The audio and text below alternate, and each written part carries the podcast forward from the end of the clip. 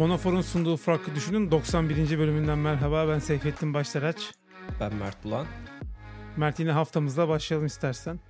Ee, istersen ben başlayayım çünkü e, iş değişikliği duyurum var. Önce ondan bir bahsedeyim. E, Monofor'un sunduğu, Monofor'un sunduğu derken ben de Monofor ailesine katılmış oldum. Product Manager olarak. E, beraber işte bir 3 hafta oldu herhalde. 2,5-3 hafta oldu başlayalı. E, onu duyurmak istedim güzel, keyifli geçiyor. Ürün olarak işte bir sürü şey yapıyoruz. Ekip de genişliyor bir yandan. Zaten şu an satmakta oldukları ve iyi giden bir ürünleri de var. Birden fazla ürünleri var daha doğrusu. Bu şekilde gidiyor. Bir Identity Access Management şirketi. Daha önceki bölümlerde de şöyle bir özet geçmiştik. Hı hı. Ben Identity Access Management'a çok aşina değildim. Yani bu dünyanın içine girene kadar ama şimdi tabii bunun özellikle kurumsal şirketler için ne kadar önemli olduğunu, Aynı zamanda şirketler için de bireyler için ne kadar önemli olduğunu görüyorum.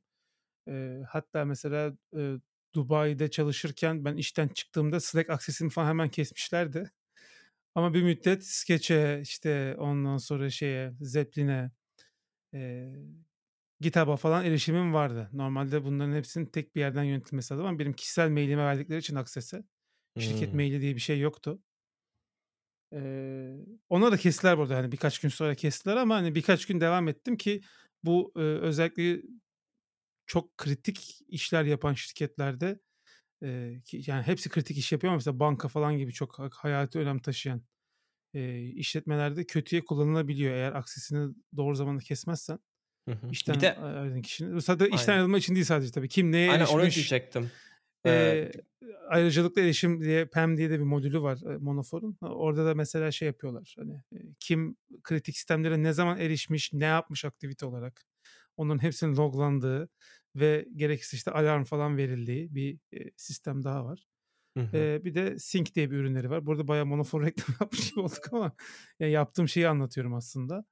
Ee, o sync ürünü de şey yapıyor. Farklı sistemler arasında senkronlama, veri tabanlarının senkronlama işlemi yapıyor. Güzel, hoş e, bu şekilde. Bakalım ilerleyen zamanlarda da daha güzel çıktılarla e, geleceğim inşallah. Hı hı. Önce hayırlı olsun diyeyim ben. Ee, Eyvallah. Bana şeymiş gibi geliyor Selçuk. Hani podcast'te dinliyor dinliyor çok hoşuna gidiyor. Haftada diyor bir buçuk saat dinleyeceğime Seyfet'ten alırım işe. Her gün Her gün dinlerim. 8 saat dinlerim. Evet, Demiş de oradan gerçekten. yola çıkarak işe almış gibi. Şakası bir yani öyle şey yapmıştım. Tabii ama tabii şu an yapılacak bir hayli iş var. o yüzden de daha çok iş konuşuyoruz ama o günlerde gelir yani oyun falan muhabbeti yaptığımız günlerde gelir. Aha. Aynen bu şeyden de konuşacağız zaten bölümün ilerleyen dakikalarında product manager'lıktan. Evet. Ee, ama önce işte hani haftamız nasıl geçti biraz onlardan bahsedelim. Ben de belki çok kısa e, değineyim tabii senin tükettiğin bir sürü içerik var. Benim çok fazla tükettiğim içerik ama ben hala aynı kitabı okuyorum bu arada. ee, ya işten sonra çok zor oluyor okuması. Ee, bizi dinleyenlerin bazıları da zaten hep söylüyor hani kitap okumakta zorlandıklarını işte genelde e, işin yorgunluğuyla birlikte açıp okuyamıyorsun. Özellikle non-fiction kitap okuyorsan. Ben mesela işte normalde her ay iki kitap bitirmeyi planlıyorken daha ilk kitabı bitiremedim. Arada böyle oluyor ama iş çok yoğun geçiyor bende de şu sıralarda. Birkaç şeyle uğraşıyorum. Birkaç projeyle bir, uğraşıyorum. Biraz nasıl diyeyim beni daha çok şey olarak kullanıyorlar. Hani Mert bunu da yapabilir, bunu da yapabilir diye. Buraya da destek atabilir gibi. Ki benim de çok hoşuma gidiyor açıkçası hala optimizasyon üzerine, performans üzerine uğraşıyoruz. Bir yandan da başka bir e, bizim ürünümüz var. Onun da lansmanı da olacak bu e, önümüzdeki günlerde diyeyim. E, beni Twitter'dan takip ediyorlarsa muhtemelen paylaşırım. E, işte o birkaç ürünün detayıyla uğraşmaktan, işte bu optimizasyonu artık böyle 10 milisaniye şuradan da bir 10 milisaniye kazanabilirim. Buradan da 10 milisaniye. Ya çok basit şeyler yapıyoruz aslında Seyfettin. Mesela dün e, JSON encoder hani e, farklı bir encoder kullanmaya başladık. İşte normalde default gelen bir encoder varken Rails'te OJ denilen bir e, e, encoder var. Ona geçiş yaptık mesela. E, JSON encoding 10 kat falan hızlandı. Oradan ama işte ne yapayım 10 milisaniye falan böyle kaybediyoruz. Artık hani bu, detayları düşünmekten başka bir şey düşünmeye şeyim kalmıyor, zamanım kalmıyor. O yüzden böyle hafta sonu, eee, biraz, işte, okuyabiliyorum ve bir şeyler seyredebiliyorum. Eee, yeni bir dizi başladı Apple TV Plus'ta Shrinking diye.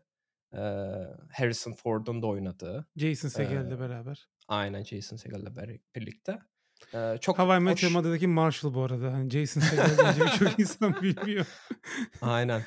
Eee, çok güzel bir konusu olan, işte, her iki o karakter de, eee, psikolog olarak oynuyorlar ama, işte, bizim ana karakterimiz, eee, eşini kaybettiğinden dolayı psikolo kendisinin psikolojisi bozuluyor. Hani bir psikolog olarak. Terzi kendi söküğünü dikemez misali. Aynen. O onunla birlikte artık, eee, hastaların tedavi etme yöntemi değişiyor. Normalde, işte, atıyorum, biliyorsun, hani, bilmiyorum sen psikoloğa gittin mi? Biz konuşmuştuk sanırım bununla ilgili. Hı hı. Genelde, hani, psikologlar sana hiçbir şekilde tavsiye vermezler. Hani Soru soruyorlar evet. Aynen. Belirli sorular soruyor. Orada artık nasıl diyeyim, böyle sıkılıyor bundan. Yani bu yani 2 yıldır mesela, işte, bir tane kadın geliyor.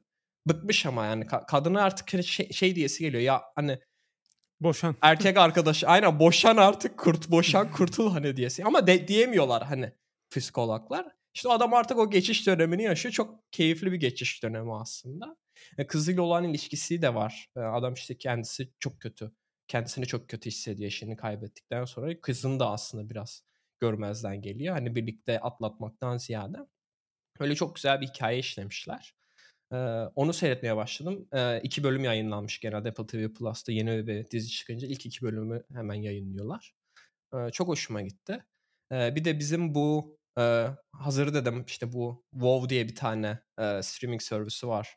Eee, HBO'nun haklarını alan, eee, Almanya'da. Birkaç ülkede daha sanırım Avrupa'da HBO'nun olmadığı birkaç ülkede gene böyle aynı servis de olabilir. İngiltere'de de sanırım, eee, aynı isimle çıkmışlar. Orada bizim bu Doktor House, eee, emm, karakterin adını unuttum. Hugh Laurie. Laurie'nin, eee, oynadığı bir tane Avenue 5 diye, Hımm. eee, bir, komedi dizisi var. Aslında kendisi bir uzay gemisi kaptanı ve bu uzay gemisi de böyle nasıl diyeyim, entertainment amaçlı bir uzay gemisi. Titanic gibi. eee, 3 3 3 hafta boyunca, eee, takılıyorsun orada, geri dönüyorsun falan. Eee, çok bayağı, eee, keyifli bir dizi olmuş. Kısa da bölümleri 20 dakika falandı yanlış hatırlamıyorsam. Eee, bayağı, eee, komik bir dizi olmuş. Eee, çok sevdim. Eee, tavsiye ederim yani böyle farklı dizi. Çünkü Apple TV Plus'ta hatırlamıyorum çok fazla komedi dizisi olduğunu da. Bu bayağı aslında belki Shrinking de biraz komedi diyebiliriz. Ama Avenue falan hani böyle nasıl absürt komedi. O seviyede bir şey. Eee, onu da izledim. O onu da tavsiye ederim, dinleyenlere. Başka da çok dediğim gibi yoğun geçmedi benimki, eee, içerik tüketme konusunda. Sende muhtemelen daha fazla şey vardır diye tahmin ediyorum. Evet. Kitap olarak bu Azim dediğim kitabı okuyorum ama artık okumayacağım herhâlde. Çünkü bir tane fikri var kitabın ve o fikri sürekli tekrar ediyor. Eee, yine o tuzağa düştük yani birisinin tavsiyesiyle aldım. Eee, yani bir blog postu anlatabileceği bir şeyi kitap hâline getirmiş.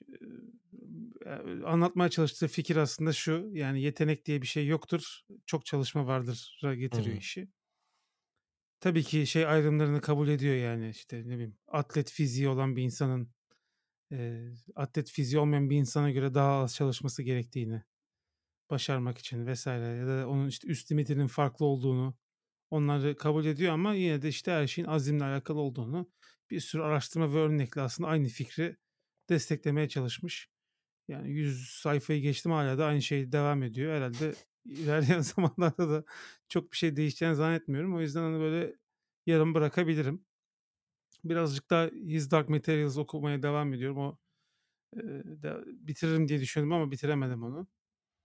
Onun dışında dizi olarak Netflix'te tekrar söylüyorum, sanırım podcast'ta daha önceden tavsiye etmiştim. Bir daha tavsiye edeyim. Pretend It's a City diye bir Hımm. 6 bölümlük mü 7 bölümlük mü bir mini seri var. Martin Scorsese'nin çektiği. Fran Leb Lebowitz diye bir yazar var. Eee, çok komik bir kadın. Onun, eee, böyle, nasıl diyeyim, şehir hayatıyla ilgili düşüncelerini anlattığı bir mini seri diyelim, limited seri diyelim. Onu tekrardan seyrettim çünkü Fran Lebowitz'i seyretmek benim çok hoşuma gidiyor. Bilmiyorum, kadının, eee hem espri anlayışı çok, eee, ilginç hem, eee, işte, tespitleri çok doğru. Zaten hiç, eee, bilgisayar kullanmamış hayatında, hiç telefon kullanmamış bir insan. Eee, bu şey quote'u ondan geliyor, işte, eee, "Think before you speak, read before you think." diye. Hatta onu Hımm. aslında o quote daha uzun bir quote. Yani onun devamını aslında koysalar daha bir şey farklı bir şey anlatmaya çalışıyorum orada diye söylüyor ve tamamını da, hani, gösteriyor şeyde, dizide. Hı hı. Eee, ama işte public transportation, kitap okuma, kütüphaneye gitme Yani kütüphane bölümünü seyretmiştim ben Evet, sen tavsiye ettikten aynen, sonra. aynen. Ama İşte bundan herhâlde bir 6 ay önce falan tavsiye ettin falan. sen bunu ya. Olmuştur. İşte, böyle tekrar esti kafama seyrettim. Seviyorum Hı. yani ben öyle şeyleri. Hatta Martin Scorsese çok iyi bir belgesel yönetmeni bence. Çok iyi belgeselleri var. Onun da bir Neyse. dizisi gelecek sanırım. Dizisi ya da filmi gelecek şeye, Apple Eee, TV ş Plus'a. evet, eee, şeyin, neyin dizisini çekiyor? Meşhur bir filminin dizisini çekiyor. Bildiğim kadarıyla. Hımm. yapıyorlar bir şeyler, evet. Hatırlayamadım ben de Onu şimdi. seyrettim işte. Eee, Last of Us'ın 2. bölümünü seyredebildim sadece. 3'üncü eee, hanımdan veto geldi. Yeter artık. O böyle, eee, tiksinç şeyleri seyrederken korkuyor da biraz. Çekiniyor. Hımm. Böyle şey yani hırkanın arkasında seyretti bölümü. Eee, şimdi 3. bölüm birazcık daha duygusalmış. Eee, bir de işte Frank'le Bill'in hikâyesini biraz farklı anlatıyormuş. Oyunda Evet. olmayan şeyler varmış yani. Eee, olduğu için Ya, de merak ediyorum. Ters köşe yaptı insan. ya. Ha, Böyle na nasıl diyeyim, hani, farklı bir beklentiyle açıyorsun diziyi ama bir anda sana başka bir şey anlatmaya başlıyor. Çok O duygulanıyorsun bölüm falan. başlarındaki o olay nasıl başladığını çok güzel veriyorlar bence. Yine bu bölümde Hımm. Endonezya'yla başladı. Eee, orada da mesela hakikaten, hani, işte aşı yok, bilmem ne yok, ilaç yok. Ya, Endonezya'yı seçmeleri bile benim çok hoşuma gitti. Yani Dünyanın f en şeyde de büyük oyunda un da mı öyle un bilmiyorum da. ihracatçısıymış Endonezya o yüzden. Ha. Yani, Büyük hani, böyle bir anda açıyorsun bulaşıyor diziyi ya. fa fark farklı dil konuşmaya di dil dil diyeyim duymaya başlıyorsun falan. Çok hoşuma gitti yani bir anda böyle. Eee, Evet. Yani, işte, ters undan yapıyor. undan bulaştığı ııı, işte dizide anlatıyorlar. İşte, hani, kurabiye yediriyordu yaşlıya falan ya. Hımm. Biraz, hani, spoiler oluyor diziyle ilgili ama, hani, artık o kadar da olur. Hı hı. Eee Ben bir de şeyi, heh, eee, bahsetmeyi unuttum. Eee, senin gene tavsiye ettiğin bana ben sormuştum. Sen The Menu filmini de seyrettim. Hımm. E, seyretmişsin işte bayağı bir şey. Aynen, fena değildi. Ya, izleyecek bir şey arıyordum. Baktım o da şeydeymiş, Disney Plus'taymış. Hımm. aynen, hiç haberim yoktu yani alacaktım ben az daha şeyden, eee, iTunes'tan alacaktım. Sonra bir baktım şeyde Disney Plus'ta varmış. A, dedim açayım izleyeyim. Yani garipti de yani öyle çok ahım şahım bir film değil yani açıkçası. Eee Yani, artık spoiler olur mu bilmiyorum da, yani, aslında orada, eee, sanatçının, bir şey üreten insanın kritikler karşısında ve kendi, eee, hayran kitlesi karşısındaki tavrını aslında güzel bir şekilde Aynen, anlatıyor. Aynen. Ekmeğiyle meşhur restoranda ekmeksiz tabak falan gibi, anladın mı? Hani, Hı hı. artık bizi şaşırt, farklı bir şeyler yap sürekli. Hep aynı şeyi yapıyorsun falan Hıı. şeyinden, baskısından çıkmış. Bir yandan, işte, kendi patronu var, finansörü var. Onun baskısından bıkmış falan. Adam yani canınız cehenneme. Bence çok güzel bir filmdi bu arada. Ben, eee, o açıyla seyrettiğim için bakış açısıyla Yo, ben de o açıyla seyrettim de bilmiyorum yani, hani, 8 vermezdim mesela, hani, filme. 7,5 alırdı benden Kritik maksimum. konusuna da geliriz tekrardan oyunları konuşurken. Şimdi birazdan oyunlara geçeceğim zaten. Eee, bu şekilde. Dizi olarak bir de White Lotus'u seyrediyorum. HBO'nun dizisi. White Lotus'u Hımm. seyrettin mi sen bilmiyorum. Yok seyretmedim de ben ne zaman HBO'da yeni işte, emm, WoW'u açsan. Last of Us'u falan izlemeye başlasam başlangıcında zorunlu olarak skip de edemiyorsun, göstertiyor. Ha, Orada denk geldim White Para verdiğin Lotus'a. şey de reklam. Anlamıyorum ki abi. Bilmiyorum belki ucuz paketini mi aldım ondan dolayı mı? Filmlerini de izleyemedim. Gerçi belki Ha. ondan da al alakalı olabilir. Evet, White Lotus'ta 2. sezonunu, işte, yayınladılar. Eee, o da çok hoş bir bence karakter dizisi. Hımm. Çok farklı karakterde insanları görüyorsun. Bir otelde geçiyor. Otele gelen, tatil için gelen konukları ele alıyor. Ha, bahsetmiştin Aynen. geçen Her sezonun başında birisinin öldüğünü gösteriyor ama kimin öldüğünü söylemiyor. İşte, dizinin sonunda kimin öldüğünü öğreniyorsun. Böyle bir şey. 2. sezon İtalya'da geçiyor. Sici Sicilya'da Hımm. geçiyor. A, ben Hatta bayılıyorum öyle dizilere ya. Farklı Heh. mekânlarda s Evet, bayağı İtalyan ekiple çekmişler bu arada. İtalyan crew vardı, dediler, eee, diziyi çekenler. Otelde gerçekten tutulabilen bir otelmiş. $6.000'mış geceliği. Wow. Eee, şu an herhâlde $6.000 olmuştur diziden sonra. Ben olsam yapardım. Eee, bayağı hoş, böyle sahilde güzel bir otel. Yani havuzdan topladıkları şeyleri denize atıyorlardı. Öyle bir sahne vardı dizide. Hımm. Hoştu yani. Neyse eee, bu şekilde yani dizi tarafı da böyle film çok seyredemiyorum. Hala da şu sanat filmlerini seyredemedim. Oyun o konusunda Hi-Fi Rush'ı oynayabildim sonunda. Eee, bitiremedim ama biraz oynadım. Xbox bir anda Shadow Drop haline pat diye çıkarttı. Hi-Fi Rush diye bir oyun. Ritim aksiyon oyunu. Hı hı. Geçen hafta etkinliği vardı Xbox'ın. Evet Xbox'ın etkinliği vardı. Developer Direct vardı. Geçen hafta mıydı o ya? Geçen hafta aynen Konuşmadık yani daha hiç. kay- kaydettiğimiz zamanda. Ha tamam kay- tamam. kaydet tam biz kaydederken etkinlik oluyordu. O yüzden şey yapamamıştık, Tamam konuşamamıştık. tamam. Ee, ya bunların Japon bir stüdyosu var. Tango Gameworks diye. Daha çok korku oyunları yapıyorlar. Ama e, 2017'den beri bir oyun geliştiriyorlarmış. Hiç duyurmamışlar. Hiç kimseye söylememişler. Oyunu geliştirmişler. Cilalamışlar, tamamlamışlar. Oyunu gösterdiler etkinlikte. Sonra millet bu ne zaman çıkacak falan derken dediler ki şimdi çıktı. İndirebilirsiniz şu an Game Pass'ten. Tam şu an değil abi. Bir saat sonra indirebilirsiniz falan derler. Çok önemli değil yani. Neyse sıfır reklam, sıfır marketing. Çat diye çıkarttılar oyunu ve şu an Metacritic'te must play kategorisinde en iyi oyunlara veriliyor. 90'ın üzerinde ortalaması. Ama 5 yıl uğraşmışlar abi yani maşallah. Evet evet Ee, işte yani Microsoft almadan önce 6 yıl firmayı. hatta. Microsoft firmayı almadan önce başlamış yani. Hı. Ee, burada da aslında şeyi birazcık söylemekte fayda var. İnsanlar şey yapıyorlar işte Microsoft'un bu kadar stüdyosu var. Xbox bu kadar stüdyo aldı. Bu oyunlar nerede diye soruyor insanlar. Oyun yapmak 5 yıl sürüyor arkadaşlar. Yapacak bir şey yok. Ki bu oyun 6 saatlik bir oyun. 6 saatte bitiyormuş yani. Aa, 6 saatlik bir oyunu 5 yılda geliştiriyor adamlar. bakayım ben. Ee, sen Starfield gibi bir oyun muhtemelen 7-8 senedir geliştiriliyor Starfield. Ee, hemen çıksın istiyorsun şimdi öyle olmaz. Adam stüdyoyu alıyor. Onların elinde bir şey varsa onlar çık- çıkıyordu bu zamana kadar. Şimdi artık 5 sene önce aldığı stüdyonun oyunu şimdi çıkacak. Yani e, vakit alan şeyler.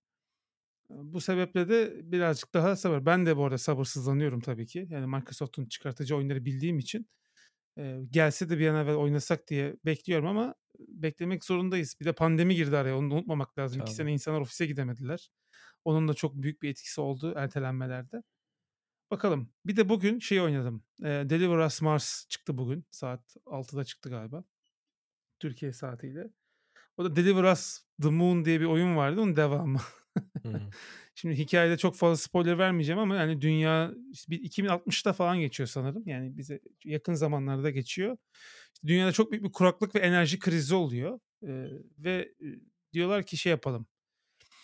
Ayın oraya bir tane böyle dev bir çanak yapalım. O enerjiyi şeye versin. Ee, ışın ışın olarak dünyaya versin. Böyle dünyanın enerjisi güneşten aldığı enerjiyi oraya versin yani 7-24. Böyle bir işte sistem yapıyorlar. Tabii 7-24 nasıl oluyor bilmiyorum da. Ay her zaman var tabii. Her zaman güneşten şey alıyor. Doğru. Alıyor. Dünyaya farklı işte şeyler, istasyonlar kuruyorlar. O istasyonlar arasında kafasını çevirerek enerji veriyor dünyaya. Böylece dünyanın enerjisi oradan sağlanıyor. Büyük kuraklık var işte su falan azalıyor, kirleniyor falan. Böyle bir oyundu ilk oyun. Sonra işte aydan gelen sinyal kesiliyor. Buna da ne oluyor bir dakika ay dünyanın artık kısıtlı zamanı kaldı enerji yok falan deyip Ay'a bir ekip gönderiyorlar. O ekipten son kalan kişi olarak sen ne olduğunu çözmeye çalışıyorsun içeride. Ama oyun birazcık böyle keşif oyunu yani. Şey değil puzzle çözüyorsun, keşif yapıyorsun. Öyle Hı. şey yok yani. Dövüş mövüş, kombat içinde yok. Ama sonra hikaye çok güzel bir yerde böyle bitiyordu. Ne olduğunu öğreniyordun Ay'da. Sonra işte şimdi devam oyunu olan Mars geldi. Bunda da Mars'a gidiyorsun. Özellikle oyunun şey kısımlarını çok güzel yapmışlar. İlk oyun da çok güzeldi o açıdan. Zero gravity ortamda gemiyi tamir etmeye falan çalışıyorsun. İşte gidiyorsun. Kısıtlı oksijenin var. Oksijen tüpleri bulup tekrardan oksijeni doldurman lazım falan. O survival kısımları hoştu. Bu oyunu da güzel yapmışlar. Birazcık daha tabii bütçeleri var. O yüzden biraz daha hikaye anlatılına falan girmişler. İlk bir saati çok sıkıcıydı oyunun ama e, şimdi Mars'a geldim oyunda. Mars'a gelince e, oyun birazcık daha hareketlendi diyebilirim. E, bir de onu oynadım. Onun dışında da işte Call of Duty falan biliyorsun yani biz. Böyle şeyler. Ben şeyi soracaktım sana. Biz bunu sanki konuştuk gibi ya. High Rush, Hi-Fi Rush. e, Hi-Fi Rush e, daha önceden mesela hani çıksaydı e, sence aynı skorları alabilir mi miydi?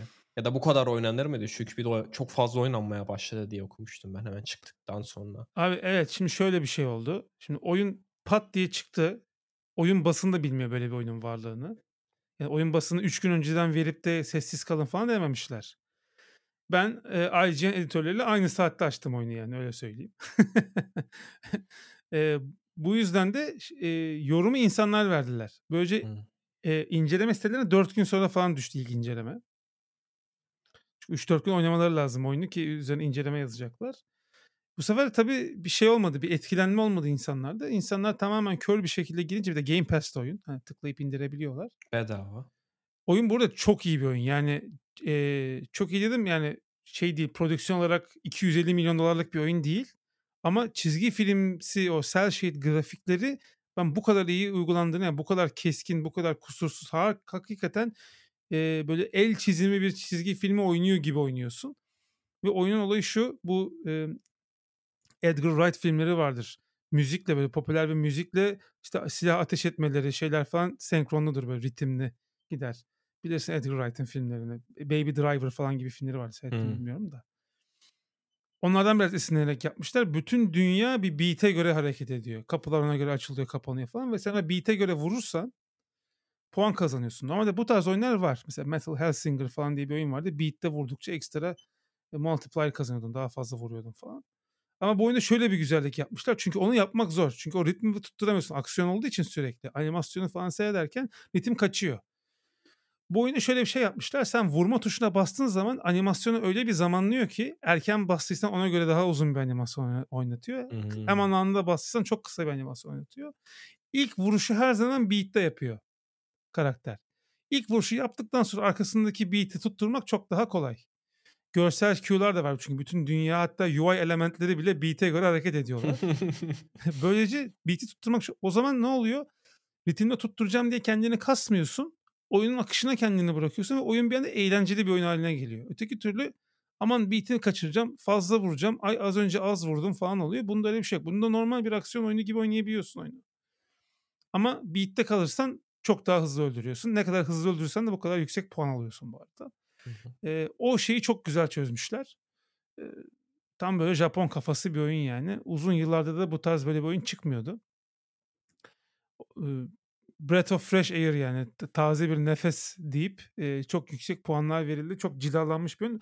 Bu arada hakikaten bugs'sız falan bir oyun çıkartmak da bu devirde, eee, böyle pat diye çıkartıyorsun oyunda hata yok. Hani beta değil, bir şey değil. Eee, helal olsun işte anca Japonlar yapıyor zaten böyle şeyleri. O obsesiflik. Elden Ring de mesela Elden Ring çıktı abi. Hani PC'de falan biraz bug'lar vardı ama konsolda biz bayağı kusursuz oynadık oyunu. Eee, Aynen. tebrik etmek lazım. Eee, şöyle bir şey fark ettim yalnız. Eee, biliyorsun God of War da çıktı, eee, PlayStation'da çeyrekler Onu da aslında konuşalım burada. Türkiye'den çekiliyor PlayStation'dan. Onu da böyle ufak bahsetmek lazım. Tabii. Eee, inceleme şeylerine bu Metacritic gibi sitelere baktığın zaman böyle God of War mesela, eee, 100 üzerinden 100 veren böyle 20 tane falan site var. Ya bu siteler neymiş falan diyorsun. Adı sana duyulmamış. Sadece böyle PlayStation oyunlarını inceleyen tek tük siteler yani. Ya ben orada da mesela bir bit yeniği olduğunu düşünüyorum. Çünkü Abi yani 100 üzerinden 100 yüzünden 100 verirsin hiçbir ya? oyuna veremezsin abi. Hiçbir oyun. Ya ben Hi-Fi Rush'a da vermem. Bu kadar cilalı bir oyun olmasına rağmen 95 falan verirsin hani çok sevdiysen. Tabii abi. Hem 100 üzerinden 100 yani ben o kadar kusursuz bir oyun hayatımda hiç oynamadım. Hepsinin bir noktadan sonra kusurları ortaya çıkıyor. 100 üzerinden 100 veren böyle 20 tane site var. Şimdi bunlar böyle puanı yükseltmek için yapılıyor gibi geliyor bana. Adam ne yapıyor? Bir tane blog blog kurduruyor. 3-5 kişiye Hımm. şey veriyor. Onun üzerinden yüksek puan kasıyormuş gibi geliyor bana. Böyle de bir, eee, izlenimim var. Çünkü, eee, mesela Hi-Fi Rush'ın review'larına bakıyorum. Review yapan sitelerin hepsi böyle ya büyük dergi ya büyük site. Bir tane İngiliz sitesi mesela şey demiş. Aslında oyun 10 üzerinden 10'luk ama Xbox uzun süredir kaliteli oyun çıkartmadığı için ona bu kadar yüksek puan vermeyi değer görmedik. O yüzden 10 üzerinden 8 verdik yazmış. Abi manyak mısınız nesiniz? Yani böyle bir, eee, taraflılık var. Ben anlam veremiyorum. Bu arada Xbox gayet de güzel oyunlar çıkarttı geçen sene. Sadece God of War skalasında yani $250 milyon dolarlık oyun çıkartmadı. Ama Pentiment, Grounded bunlar kötü oyunlar değildi kesinlikle. Katılmıyorum yani bu şeye. Millet zannediyor ki her oyun şey olmak zorunda. Animasyonlar, grafikler böyle ekrandan AAA. taşsın. 4A, tr Eee, t 3A miydi? evet, triple A yani her oyun triple A skalasında olmak zorunda değil. Ben eğleniyorsam, ımm, benim için iyi bir oyundur o. Yani dünyanın en çok Şey satan oyunu Minecraft ve Roblox yani öyle düşünelim. Yani kutulardan oluşan oyunlar yani. Şeye ne diyorsun peki PlayStation Türkiye'den çıkması olayına? Türkiye'de çünkü ben PlayStation tabii. daha popüler diye biliyorum Xbox'tan. Evet evet yani Türkiye açısından üzücü bir şey. Ee, biraz Sony'nin kendi kararı olmuş. Çünkü PlayStation Türkiye dediğin gibi karlı bir e, oluşum olsa gerek yani yok satıyor çünkü. E, stoklarda yok PlayStation. E, oyunlar yine aynı şekilde Türkiye'de e, hem Türkçe dublaj yaptıkları hem de Türkçe altyazı yaptıkları için e, çok e, takdir ediliyor ve özellikle satın alınmaya çalışılıyor PlayStation oyunları. E, ciddi bir hayran kitlesi var. Bir de PlayStation birden beri Türkiye'de var Sony. Yani 94-95'ten beri PlayStation satılıyor Türkiye'de. Artık Selpak gibi bir marka oldu yani. Oyun konsolu deyince PlayStation diyor. Dünyada da böyle tabii. E, sadece PlayStation kafeler falan var ya. Xbox tabii. kafe ben hiç duymadım. o yüzden bu karar biraz açıkçası beni şaşırttı. Ama bu globalden alınmış bir karar. Hımm. Eee, işte, resesyon senesi malum. O yüzden de birazcık daha böyle, eee, kısmaya gidiyorlar ama ben, yani, Türkiye'de niye böyle bir şey yaptılar bilmiyorum. 50-60 kişi falan çalışıyormuş bu arada PlayStation Türkiye'de. Ya, ben acaba şey mi diye düşünmeden edemedim. Eee, çok masraflı mıydı acaba bu dublajdır, eee, çeviridir Yo. vs. Yani, A o karşılamıyor muydu acaba Yok, yok, kârlarını ya da satışları falan düştü de Abi şimdi şöyle korsan oyunculuk bitti. Korsan diye bir şey yok. Konsol aldığın zaman yani crackleme falan var ama yani o hı çok eskiden mesela millet Xbox 360'ı crackli satın alıyordu. Crackleyip satıyorlardı yani. O kadar kolaydı. Direkt diski ripleyip internetten DVD indirip ISO burn yapıp takıp oynuyordu millet yani. O kadar kolaydı oyun oynamak. Şimdi artık Game Pass'i var, servisi var, PlayStation Plus'ı var. Tıklıyorsun parasını bir de e, özellikle benim nesil yani 90'lı yıllarda çocuk olan ve oyun oynamayı seven nesil artık büyüdü ve para kazanır duruma geldi. Öyle olduğu için de özellikle PlayStation oyunları 15 saat ile 30 saat arasında oynanış sürelerine sahip olduğu için çalışan insanlar için çok uygun. Mesela ben şu an kara kara düşünmüşüm. Starfield çıkacak. Starfield'de benim 200 saat falan gömmem lazım. Çünkü bir karakterle oynayacağım, bounty hunter olacağım, bir karakterle o bitecek, bir daha karakter açacağım, diplomat olacağım bütün gizemlerini çözmeye çalışacağım, modlar yükleyeceğim falan 200 saat gider ona rahat. Ama benim öyle bir vaktim yok. Büyük bir dilemma yani bu. ee, o yüzden de evet yani Sony'nin çıkması açıkçası bana da mantıksız geliyor. İyi de bir şey değil tabii ki. Rekabet her zaman e, kaliteyi doğurur. E, ama bir açıdan şöyle bir tarafı var. Şimdi tabii PlayStation Türkiye'nin burada olmaması demek e, reklam verme konusunda da PlayStation Türkiye'de aktif olmayacağı anlamına geliyor. Bu sefer Türkiye'deki oyun basında birazcık daha objektif davranır diye düşünüyorum bu saatten sonra. Çünkü reklam gelirleri çok etkiliyordu görüşlerini e, firmaların. E, o açılardan da hani oyun basınına bakış olarak daha objektif bir e, oyun basını göreceğimizi düşünüyorum. Ama ben tekrardan geri gelmesini isterim PlayStation'ın. Yani. yani üzücü bir şey. Bir, bir de şey düşündüm çünkü genelde e, konsoldan para kazanmıyorlar diye biliyorum PlayStation'da, Microsoft'ta. PlayStation'da kar ediyor. Hard, Sony hardware'den bilmiyorum so, ediyorlar Sony, mı? Da? Sony konsol başına küçük de olsa bir 30-40 dolarlık bir kar ediyor. Hmm. Microsoft'ta 100 dolar zarar ediyormuş konsol. Ama, Ama işte şey kablosundan şey malzemesine yani bu malzemeyi hakikaten ben de mesela elime aldığım zaman şey diyorum ulan bu ne? Buna para harcamışlar bu 500 dolarlık ha. bir alet değil diyorsun yani. Ya ben şey düşündüm acaba insanlar genelde tek oyuna sadık kaldıkları için hani hardware'dan kar edemediklerinden haliyle hmm. oyunlardan kar etmesi gerekiyor. Ama atıyorum millet genelde hani benim çevremde öyleydi en azından bundan kaç sene önce. Ya FIFA, oynuyorlardı ya da işte hmm. PES falan oynuyorlardı PlayStation'da. Başka da oyun oynayan yoktu açıkçası. Ya da işte Call of Duty oynuyorlar. O kadar. Hani bir oyun alıp bayağı bir yıl boyunca hani e, götürüyorlardı genelde. İşte ondan sonra FIFA'nın yenisi çıkıyordu. FIFA'nın yenisini alıp bir yıl daha oynuyorlar. Evet. Ama şimdi orada şunun altını çizeyim. Sen Sony'nin e, çeyrek sonuçlarını yayın e, bana gönderdin hmm. bugün. Orada mesela o software satışlarındaki dağılım kırılım vardı. O senin dikkatini çekti mi? Yok. Yani dijital oyun satışları e, işte 200 milyon yen atıyorum. E, fiziksel oyun satışları 80 milyon yen. Çok altında. Üçte biri kadar hmm. falan. Add-on satışları yani ek paket, coin, elmas bilmem ne ottur boktur neyse satmak onlar e, ikisinin toplamının dört katı falan yani böyle bir hmm. milyar yen falan yani böyle alakasız bir rakam. Yani adamlar parayı aslında Fortnite skin'i ondan sonra işte efendime söyleyeyim PUBG şapkası falan satarak kazanıyorlar. Asıl parayı oradan kazanıyorlar. Hmm. O yüzden de hani oyunların bedava olması ya da işte şey olması vs. ya da işte Metin FIFA'da alması, onu sonsuza kadar oynaması Sony'ye çok para kazandırıyor. Çünkü Ultimate Team diye bir şey var. Kart paket alıyorsun. İçinden futbolcu kartları çıkıyor. Onlarla takım kuruyorsun. Adam diyor ki 50 tane paket alayım da hani Ronaldo falan çıksın hani oynayayım. Gerçi Ronaldo da Arap takımına gitti. Artık o kadar eskisi kadar yüksek midir puanları bilmiyorum ama neyse yani. Eee, ben mesela şey falan biliyorum böyle devlet memuru, bekar adam 50'li yaşlarında mesela evlenmemiş falan. Bütün maaşı şeye gömüyor. FIFA Ultimate Team karttan herifin bütün hayatı o yani. Öyle eee, bir devlet dairesine gittiğimde öyle bir muhabbet dönmüştü de oradan biliyorum yani. Hımm. Eee, adam bütün devletin verdiği maaşı şeye gömüyor. FIFA'ya gömüyor. O yüzden eee, o çok etkilememiştir. Ya bu tamamen dediğim gibi stratejik bir karar. Yani çok masraflı olduğunu düşünmüyorum orada PlayStation Türkiye'nin. Eee, ama işte başka ülkelerde de yaptılar çünkü Dubai'den gelen bir kararmış sanırım. Eee Aynen merkezi ora oradan yöneteceklermiş artık. Türkiye'yi. Evet. Eee Eee, o yüzden hani her ülkede kısıntıya gidiyorlar. Türkiye'de de PlayStation'ın kellesi gitti diyelim tabiri caizse.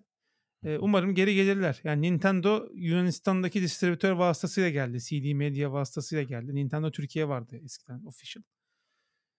Eee, tabii bir de şey tarafı var. Oyun basınında ya 10 yıldır gidecek diyorlar. Nerede gidecek falan deyip önce T'yi alanlar oldu. Bilin ki onlar PlayStation tarafından yemlenen insanlar. Çünkü sonradan o tweetleri sildiler. Çünkü Nintendo öyle diyorlardı. Ya Nintendo gidecek diyorlar. Nerede gidecek falan. da Sonra iki hafta sonra Nintendo pat diye gitti. Bir günde kapattılar gittiler yani. Aynen. Eee, yani üzücü. Eee, İnşallah Xbox'a bir şey olmaz bu arada. Tabii bir Xbox almış birisi Aynen olarak. o gelmesi bayağı uzun sürmüştü çünkü. Şimdi giderse muhtemelen Ama Game tekrar Pass'ten çok kazandıklarını düşünüyorum Türkiye'de. Bu arada mesela Hi-Fi Rush da bedavaya geldi Game Pass'e. Şu an satışlarda birinci miymiş neymiş Steam'de. Millet alıyor yani oyunu. O da bir Aynen. acayip.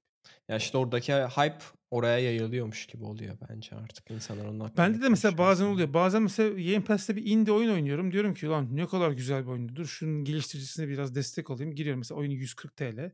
Veriyorum alıyorum yani. Hı hı. Dolara böldüğün zaman 10 şeyde dolar bile değil.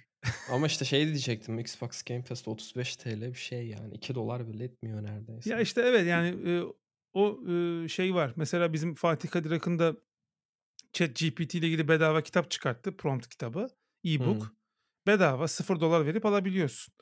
Ama çok ciddi para kazandı. Şimdi ne kadar kazandığını söylemeyeyim de. Eee, millet bağış yapıyor yani. Yani bir fayda eee, alıyorsa, fayda görüyorsa o işten. Amerikalılarda özellikle bu bağış kültürü çok kuvvetli. Donation. Burada bizim destekçilerimize teşekkür ederim tabii ki. Aynen biz ben de onu diyecektim. Bizde de var o kültür. Biz bayağı 85 kişiye ulaştık yani. Eee, ben hâlâ inanamıyorum bu Hedef rakama. 1000. Hedef 1000 aynen 1000 true fans. Belki bir gün olabilir bilmiyorum. Hani biz Olabilir. eee, dinleme rakamlarına baktığımızda yaklaşık 2500 eee, 3000 kişi dinliyor ama bilmiyorum hani 1000 kişi hani sana abone olacak, kahve ısmarlayacak her hafta, 1000 kişiye ulaşmak için kaç normal abone ihtiyacım var? O rakamları bilmiyorum. O rakamlara ulaşır mıyız onu da bilmiyorum ama yani hani 85 kişinin olması bile aslında bence, Türkiye'de ben özellikle Aynen özellikle inanması güç. Türkiye'de O yüzden ben çok yani teşekkür ederiz yani. Aynen, aynen Destek çok olun. teşekkür ederiz. Hani gene de böyle arada sıkıştıralım yani. Eğer bizi dinleyip keyif alıyorsanız, bize işte 3 dolar üzeri bağış yaptığınızda ya da işte kahve ısmarladığınızda biz daha o tabiri daha çok seviyoruz. Eee, Kafeinden Telegram çarpıntıdan gideceğim eğer bütün Aynen. kahve alırsam. Telegram grubumuza davet ediyoruz. Orada hem bizle hem de işte diğer dinleyenlerle. O daha aslında keyifli oluyor bence. Hani bayağı dünyanın dört bir yanından fark eee, eee, Türkçe konuşan insanlarla, Türkler diyemiyorum çünkü, eee, Türk olmayan insanlar da var grubumuzda. Eee, Türkmenler Evet. var, Aze Aze eee, Azeriler Ah. vs. var. Eee, Türkçe konuşan, eee, herkesi bekliyoruz. Eee, onu da böyle aradan çıkartalım. Aynen. Böyle abi işte Sony'nin ayrılması üzdü açıkçası. Yani ülkeli açısından da tabii iyi bir gösterge değil yani. Demek ki burada da, Aynen. ekonomik sıkıntılar baş zaten var biliyoruz da yani şirketler de demek ki o baskıyı hissediyor. Çünkü abi şimdi bir Aynen. oyun oldu $1400-1500 $1400-1500 oyuna verecek insan Türkiye'de az yani. Tabii, tabii. Ya bu Yani tarz trafikteki zaten Mercedesler öyle demiyor ama Mercedes kullanan hepsi God of War almıyor ki abi. Hani, Aynı kitle değil abi. yani aynı kitle bile olsa insanların tercihleri farklı. FIFA alıyor belki yani. Ha, doğrudur. Doğrudur. O anlamda dedim. Aynen. Buradan istersen yavaştan e, herkesin merak ettiği, sen birkaç bölümde söylemiştin. E, benim babam Macintosh satıyordu diye. Ha, evet onu bir e, dinleyicimiz sormuş. Bu hikayeyi anlatır mısınız diye de. Aynen. Yani şöyle Nasıl bu kısaca. kadar vizyonermiş baban? Steve'den tüyo mu almış falan? Benim e, babam e, önce bir sene İstanbul Üniversitesi matematik hiç sevmeyerek gittiği bir e, bölüm.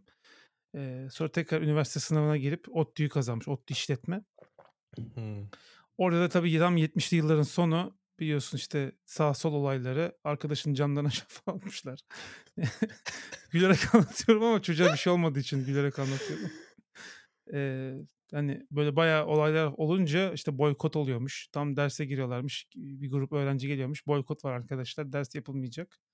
Hadi çıkıyorlar falan. E, bu okul nasıl bitecek diyerekten Boğaziçi Üniversitesi'ne e, yatay geçişle e, yine Hmm. Boğaziçi Üniversitesi işletmeyle e, şey yapmış. Daha sonra işte Suudi Arabistan'da bir e, inşaat şirketinin bilgi işlem departmanında çalışıyor. Orada kod falan yazıyor yani öyle bir şey tarafı da var. E, Hmm. biraz çok hafif. Hangi o yazılımcılık kullanıyor? bana ondan gelmiyor bu arada yani. Ha? Ha. Cobol. Hangi- Cobol yazıyor. Kobol. Ya Fortran ve Cobol biliyormuş. Hatta işte Fortran'la yazılmış programı Cobol'la yazmış da normalde 3 gün süren raporlama işlemini 3 saate mi 2 saate mi o zamanki bilgisayarların prosesörleri ona göre 2 saate falan indirmiş. Öyle e, yani optimizasyonlar falan yapmış. Hmm. Anlatır yani öyle şeyler. Ama orada aslında yaptığı şey işletme üzerine 3,5 sene falan Suudi Arabistan'da çalışmış. Cidde e, ve Mekke'de. O da değişik bir seçim bu arada. Yani kendisi hani Suudi Arabistan sevdalısı olduğu için değil ama e, üniversitenin panosunda bir ilan mı görmüş? Ne yapmış? Ona başvurmuş da öyle gitmiş yani. Sonra galiba bir dönem Ülker'de çalışıyor. Tam o kısımları şey yap- bilmiyorum ama Ülker'de işte o zaman e, onların da bilgisayar şirketleri var. E, ya orada görüyor ya da Boğaziçi'nin arkadaşları var. Onlardan bir, iki tanesi hani bu Macintosh işine girelim vesaire gibi. Çünkü e, özellikle yabancı medyayı takip edenler Macintosh devrini çünkü bu söylediğim yıllar 85 falan yani Macintosh şimdi ilk versiyon çıktıktan sonra. Hı hı. İşte 86'da da Elma bilgisayarı kuruyorlar. E, 4 ortak sanırım. İsmi Elma Bilgisayar. E, ve işte e, o zaman Bilcom distribütörü. Hmm. Apple'ın. Hala da öyle. Hala da e, artık değil tabii Apple resmi olarak geldiği için. Ama hani şeyde falan hala kendileri satıyor. bayilerine yine Apple satıyor sanırım. Bilcom hala da Apple satıyor mu bilmiyorum. E, Bilcom galiba Adobe'yi falan satıyor şu an. Ya Apple'ın Türk yetkili ser ben de hiç bilmeden konuşuyorum da en son öyleydi yani Apple geldikten sonra da genelde böyle bir şirket atıyorum 10 bin tane biz MacBook Pro alacağız falan dediğinde falan böyle o tarz şeyleri Ha. e, satıyorlar diye biliyorum. Direkt satıyorlar mı bilmiyorum artık. Hmm. E, onu ben de tamam şu an satış hiç şeyi bilmiyorum ben ama de hiç bilmiyorum. Macintosh Plus öyleydi. zamanı yani 1986 Macintosh Plus zamanı e, Mac e, satmaya çalışıyorlar Türkiye'de. Çalışıyorlar diyorum çünkü kimse Macintosh'un ne olduğunu bilmiyor. yani şu an bile ülkenin yarısı bilmiyor abi Mac'in ne olduğunu öyle düşün. O Doğru. zamanı düşün 1986 bilgisayar ne bilmiyor insanlar. Sen orada Mac satmaya Müslüman mahallesinde salyangoz satmak derler ya onun gibi bir şey Hmm. yani. Ee, sonra tabii bunlar satamıyorlar. Yani Bilkom da satamıyor bu arada. Benim duydum babamdan babamın aktardığı kadarıyla. Ee, babamın ortaklarından bir tanesi diyor ki ben İngiltere'ye gideyim bu Macintosh için bir öğreneyim bu işi yani iyice detaylı bir şekilde. Ee, bunun bir use case bulmamız lazım ki o use case'den gidelim satalım yani. Bu nerede Hı hı. kullanılır? Gidiyor bir dönem işte İngiltere'de kalıyor. Dönem çok zorluk çekiyorlar bu arada burada. Çünkü bilgisayar satamıyorlar. E, aylar geçiyor. Kira ödüyorlar falan. Neyse işte 3 ay sonra mı 6 ay sonra mı e, ortağı geliyor diyor ki e, digital publishing işine Hı. giriyoruz. Digital publishing işi nedir? İşte dergi, gazete, mizanpaş işi, işi. Bugün InDesign dediğimiz Adobe'ın InDesign programının yaptığı iş aslında. E, bu işe gireceğiz. Okey eyvallah girelim. Nasıl girelim? Gazetelere gidip işte bunu anlatalım. Ben öğrendim programı. Mac'te nasıl bir gazete editlenir bu kadar sürede. Bunları öğrendim. Eyvallah. O zaman yapalım. E gidiyorlar tabii işte gazetelere, büyük gazetelere, küçük gazetelere. Gazeteler diyorlar ki ya çok güzel ama biz bununla bir daha önceden bir gazete çıktı mı? Yani bunu kullanan var mı? Yani Testimon bir testimonial getirin yani bize. Biz şimdi buna ilk giren olmak istemiyoruz. Bunlar tabii ne yapacağız, ne edeceğiz bilemiyorlar. Eee, yok diyorlar işte şu an kullanan kimse yok vs. O zaman ilgilenmiyoruz diye geri çevriliyorlar. Biz zaman geçtikten sonra Akşam Gazetesi diye bir şey varmış o zaman. Akşam saati vapur çıkışlarına satılan gazete yani günün olaylarını Hımm. hemen basıp akşamına yetiştiriyorlar. Eee, İstanbul Gazetesi diye bir gazete. Eee, oradaki adam demiş ki ya demiş ben demiş bunu şey yaparım alırım ama demiş size demiş eee, tek bir çek vermem. Böyle benim reklamlardan falan aldım bana reklam verenlerin bana verdiği küçük miktarda böyle onlarca yüzlerce çek var. Bunları veririm hani uğraşın siz. Bozduracağım diye. Karşılıklı mı çıktı karşılıksız mı çıktı? Babamlar da tamam demişler. Çünkü onlar da bir gazeteyi Mac'le yapmak istiyorlar neticede. Sonra 3 gün falan böyle sabahlıyorlar yani şeyde gazetede. Bütün o gazetenin birebir aynı dizaynla eee mizampajını Mac'te Ready Set Go diye bir program var. O zaman Macintosh'ta. Disketle çalışıyor burada hatırlatırım yani. Hani yeni nesil dinleyicilerimiz varsa disket takıp çıkartarak kullandığım bir bilgisayar Mac. Ready Set Go ile siyah beyaz ekranda yapıyorlar. Ve İstanbul Gazetesi'nin bir sonraki günkü işte bitirdikten sonra işlerini günkü sayısı Macintosh yapılmış şekilde çıkıyor. Ellerinde numune oluyor. Numune olduktan sonra diyorlar ki bak bunu biz Mac'te yaptık. Gazeteler yavaş yavaş işte daha küçük gazeteler falan derken sonra işte hürriyetler, milliyetler falan büyük gazetelere kadar çıkıyorlar. Wow. Bu sefer Bilkom bunları çağırıyor. Diyor ki ya siz bunları satıyorsunuz bizden sürekli Mac alıyorsunuz. Distribütör onlar olduğu için. Siz bunu nasıl satıyorsunuz bize de öğretin bunu diyorlar. Bunlar diyorlar ki öyle, öyle olmaz. Yani size öğretin. Sonra Bilkom'la araları falan bozuluyor. O detayları çok anlatmayacağım ama e, daha sonra tabii işte zaman içerisinde Macintosh'ta e, işte Macintosh SE'yi çıkarttı daha ucuz halli ama renkli ekranı olan vesaire. E, öyle öyle gelişti ama tabii Steve Jobs o dönemde atılmıştı yani 86'da galiba gönderilmişti Steve Jobs hatta 85'te gönderilmişti ama Macintosh bu şekilde e, devam etti Mac işleri. Tabii e, Apple mesela şey diyorlar işte Mac'i çıkarttı falan. O dönem biraz böyle gri zamandır ama Laser Writer diye Apple'ın Tabii. çok meşhur bir lazer printer vardı. O zaman lazer printerler çok pahalıydı. Apple evde kullanabileceğin bir e, lazer printer e, çıkartmıştı. Bayağı tak çalıştır şeklinde çalışan. Fakat e, Apple being Apple yani sadece bilgisayarda inovasyon yapmıyorlar. Printer'da da inovasyon yapıyorlar ama printer'ı aldığın zaman kablosunu, Mac'e bağlantı kablosunu Apple kutunun içine koymuyormuş. Onu ayrı satıyorlarmış. Smalltalk diye bir kablo bu. e, ve kablo 150 dolar mı 200 dolar mı öyle bir fiyatı var yani ki o zaman Hmm. dolar çok acayip pahalı bir şey. Yani Macintosh 4000 dolar zaten. Hatta 10 megabaytlık hard diski de 2000 dolara mı ne satıyorlarmış yani düşün. 10 Of. megabaytlık hard disk de yanında alıyorsun. Hard disk olunca tabii o zaman disket takma olayı kalkıyor ortadan. Öyle bir zamanlardan geçmiş yani insanlar. Şimdi tabii biz 10 megabaytı daha Twitter'ı açtığımızda çekiyoruz yani anlamda. o zaman hard disk millet şey diyormuş mesela 10 megabaytı nasıl dolduracaksın ne gerek var 10 megabayta falan diyormuş. Çünkü 8 disket falan neredeyse yani. 7 disket. Neyse. Ee, öyle bir dönemden geçmişler. Ne anlatıyordum ben? Ha, ya o Smalltalk kablosu da Bilkom tabii satıyor. Kaç dolara satıyor? İşte 100 dolara satıyor, 120'ye satıyor. Sen de 20 dolar falan kar koyuyorsun. Liste fiyatı 140 dolar. Benim babam da sürekli böyle Tayvan'a gidiyor. Oradaki elektronik fuarları oluyor. Amerika'ya gidiyor, Tayvan'a gidiyor. Tayvan'a gidince orada bir tane şeyde standta şey görüyor. Smalltalk kabloları görüyor böyle. Wow. Bakıyor Apple'ınki de birebir aynı. Diyor ki "E, ya bu halis mi yani? hani Smalltalk kablosu mu falan. Evet adam diyor ki Smalltalk kablosu aynı birebir aynı malzeme falan. Şeyde başka marka da değil bayağı böyle Apple logosu falan var üzerinde. Birebir yapmış yani aynısını. Hmm. Ne kadar bunun tanesi? Adam diyor ki 8 dolar. Babam diyor ki ulan 8 dolar çok iyi yani tamam. 140'a satıyoruz. Eee, şey, şey yapacağız falan. De, bir, bir 3-5 tane ver bana deyip alıyor. Getiriyorlar ofiste takıyorlar. Çalışıyor kablo takınca. Hmm. O süper falan. Neyse diyor, babam diyor ki bana işte yolla 150 tane 200 tane yolla. Şimdi adamlar yolluyorlar ama bizimkiler onu satamıyorlar. Niye? Çünkü Bilkom'la bu sefer papaz olacaklar. Hmm. İnşallah bunu anlattığı için babam boş belaya girmez. Hala yapmıyor mu işi yani? Yok canım çoktan e, elma bilgisayarı 96'da mı ne bıraktı. Hmm. Ama Emma Bilgisayar diye bir şirket devam ediyor. O yüzden başı belaya Ha. girmesin diyorum. Neyse. Eee, inşallah girmez. Sonra şey yapıyor. Bilkom'dan da kablo alıyorlar. Apple'ın resmi kablolarını. Bazılarını Apple olarak satıyorlar. Bazılarını Tayvan modeli satıyorlar ama hepsini $140'dan satıyorlar. Çünkü ucuza satarsa bu sefer Bilkom kullanacak. Siz nasıl bu kadar ucuz satıyorsunuz diye. Öyle mesela acayip böyle binlerce dolar ayda diyor sırf kablodan. Çünkü printer'ı alıyorsun kablo yok abi. Böyle saçma bir şey var mı?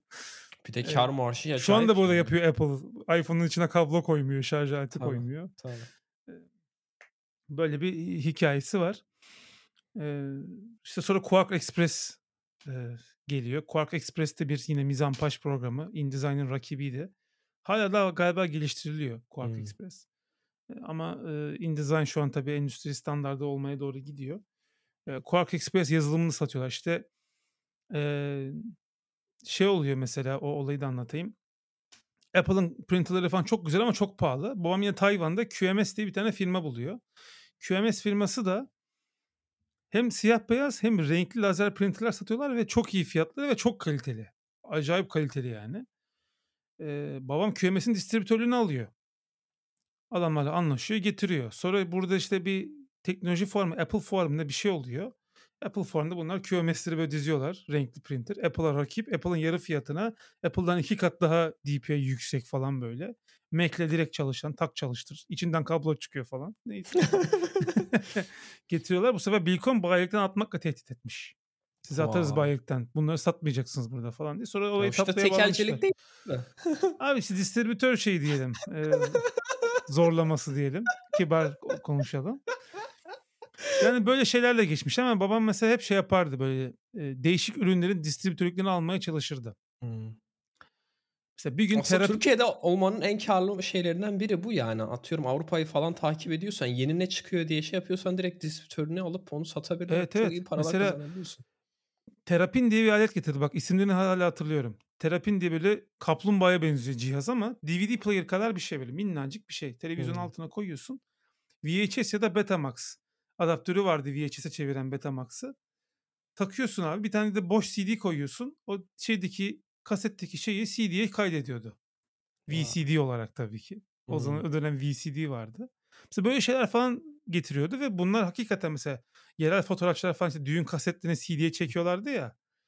Onlar normalde böyle büyük makinelerde falan yapılıyor. Bunu böyle DVD player boyutunda bir aletle e, çözüyordu. İşte Umax diye bir e, firmanın şeyini aldı. E, distribütörünü aldı. Sonra Apple Umax'a lisans verdi. Mac üretmeye başladı Umax. Normalde tarayıcı falan üreten böyle bilgisayar ürünleri yine printer, tarayıcı falan üreten bir firmaydı. Tayvanlı. E, sonra bu Jill Amelio var Apple'ın meşhur CEO'su. E, Steve Jobs'tan Hımm. önceki e, CEO. ikinci gelişinden önceki CEO. O şey dedi ya işte Microsoft PC'lere lisans vererek zengin oldu. Biz de Tayvan'dan bir iki tane Mac üreticisi bulalım. Donanımı üretsinler biz ona macOS'u lisanslayalım diye. Steve Jobs'un gelir gelmez bütün anlaşmaları iptal ettiği, tazminatları ödeyip içinin içinden çıktığı firmalar. Biri Radius, biri Umax. Ee, bunlar benim çocukluğumun markaları olduğu için ve ben bunların bilgisayarlarını kullandığım için ezberimde o yüzden var yani. Ee, Apus 3000 diye modeli var Latte o kadar net hatırlıyorum yani. Çünkü ben kullandım yani Umax evde vardı. Ee, toplama Mac kullandık yani bir zamanda. Hackintosh'un kralı. Ee, o dönemde e, onları da kullandık. Hep onların distribütörlüklerini aldı. Sonra işte 96'da dedi ki dijital fotoğraf makinesi diye bir şey geliyor. Film falan uğraşmıyorsun. Çekiyorsun. Anında şey yapıyor. Hafıza kartına yazıyor. Bilgisayar takıyorsun. Fotoğraf bilgisayarında. Müthiş bir şey. Kodak ilk çıkartmış. Kodak'ın fotoğraf makinesi kısmının distribütörlüğünü aldı dijital fotoğraf makinesinin. Vay. Sonra Kodak battı tabii arkasından. Canon'la Nikon Kodak'a geçtiler gittiler ama mesela o dönem Professional diye makinesi vardı. Dö- 640'a 480 çekiyordu ve bu böyle müthiş bir şeydi o zaman yani. Of 640'a 480 fotoğraf çekiyor diye. 480p. Şu an çeksen yani şey dersin bu ne tost makinesiyle mi çektin dersin. Öyle bir fotoğraf Professional diye satılıyordu.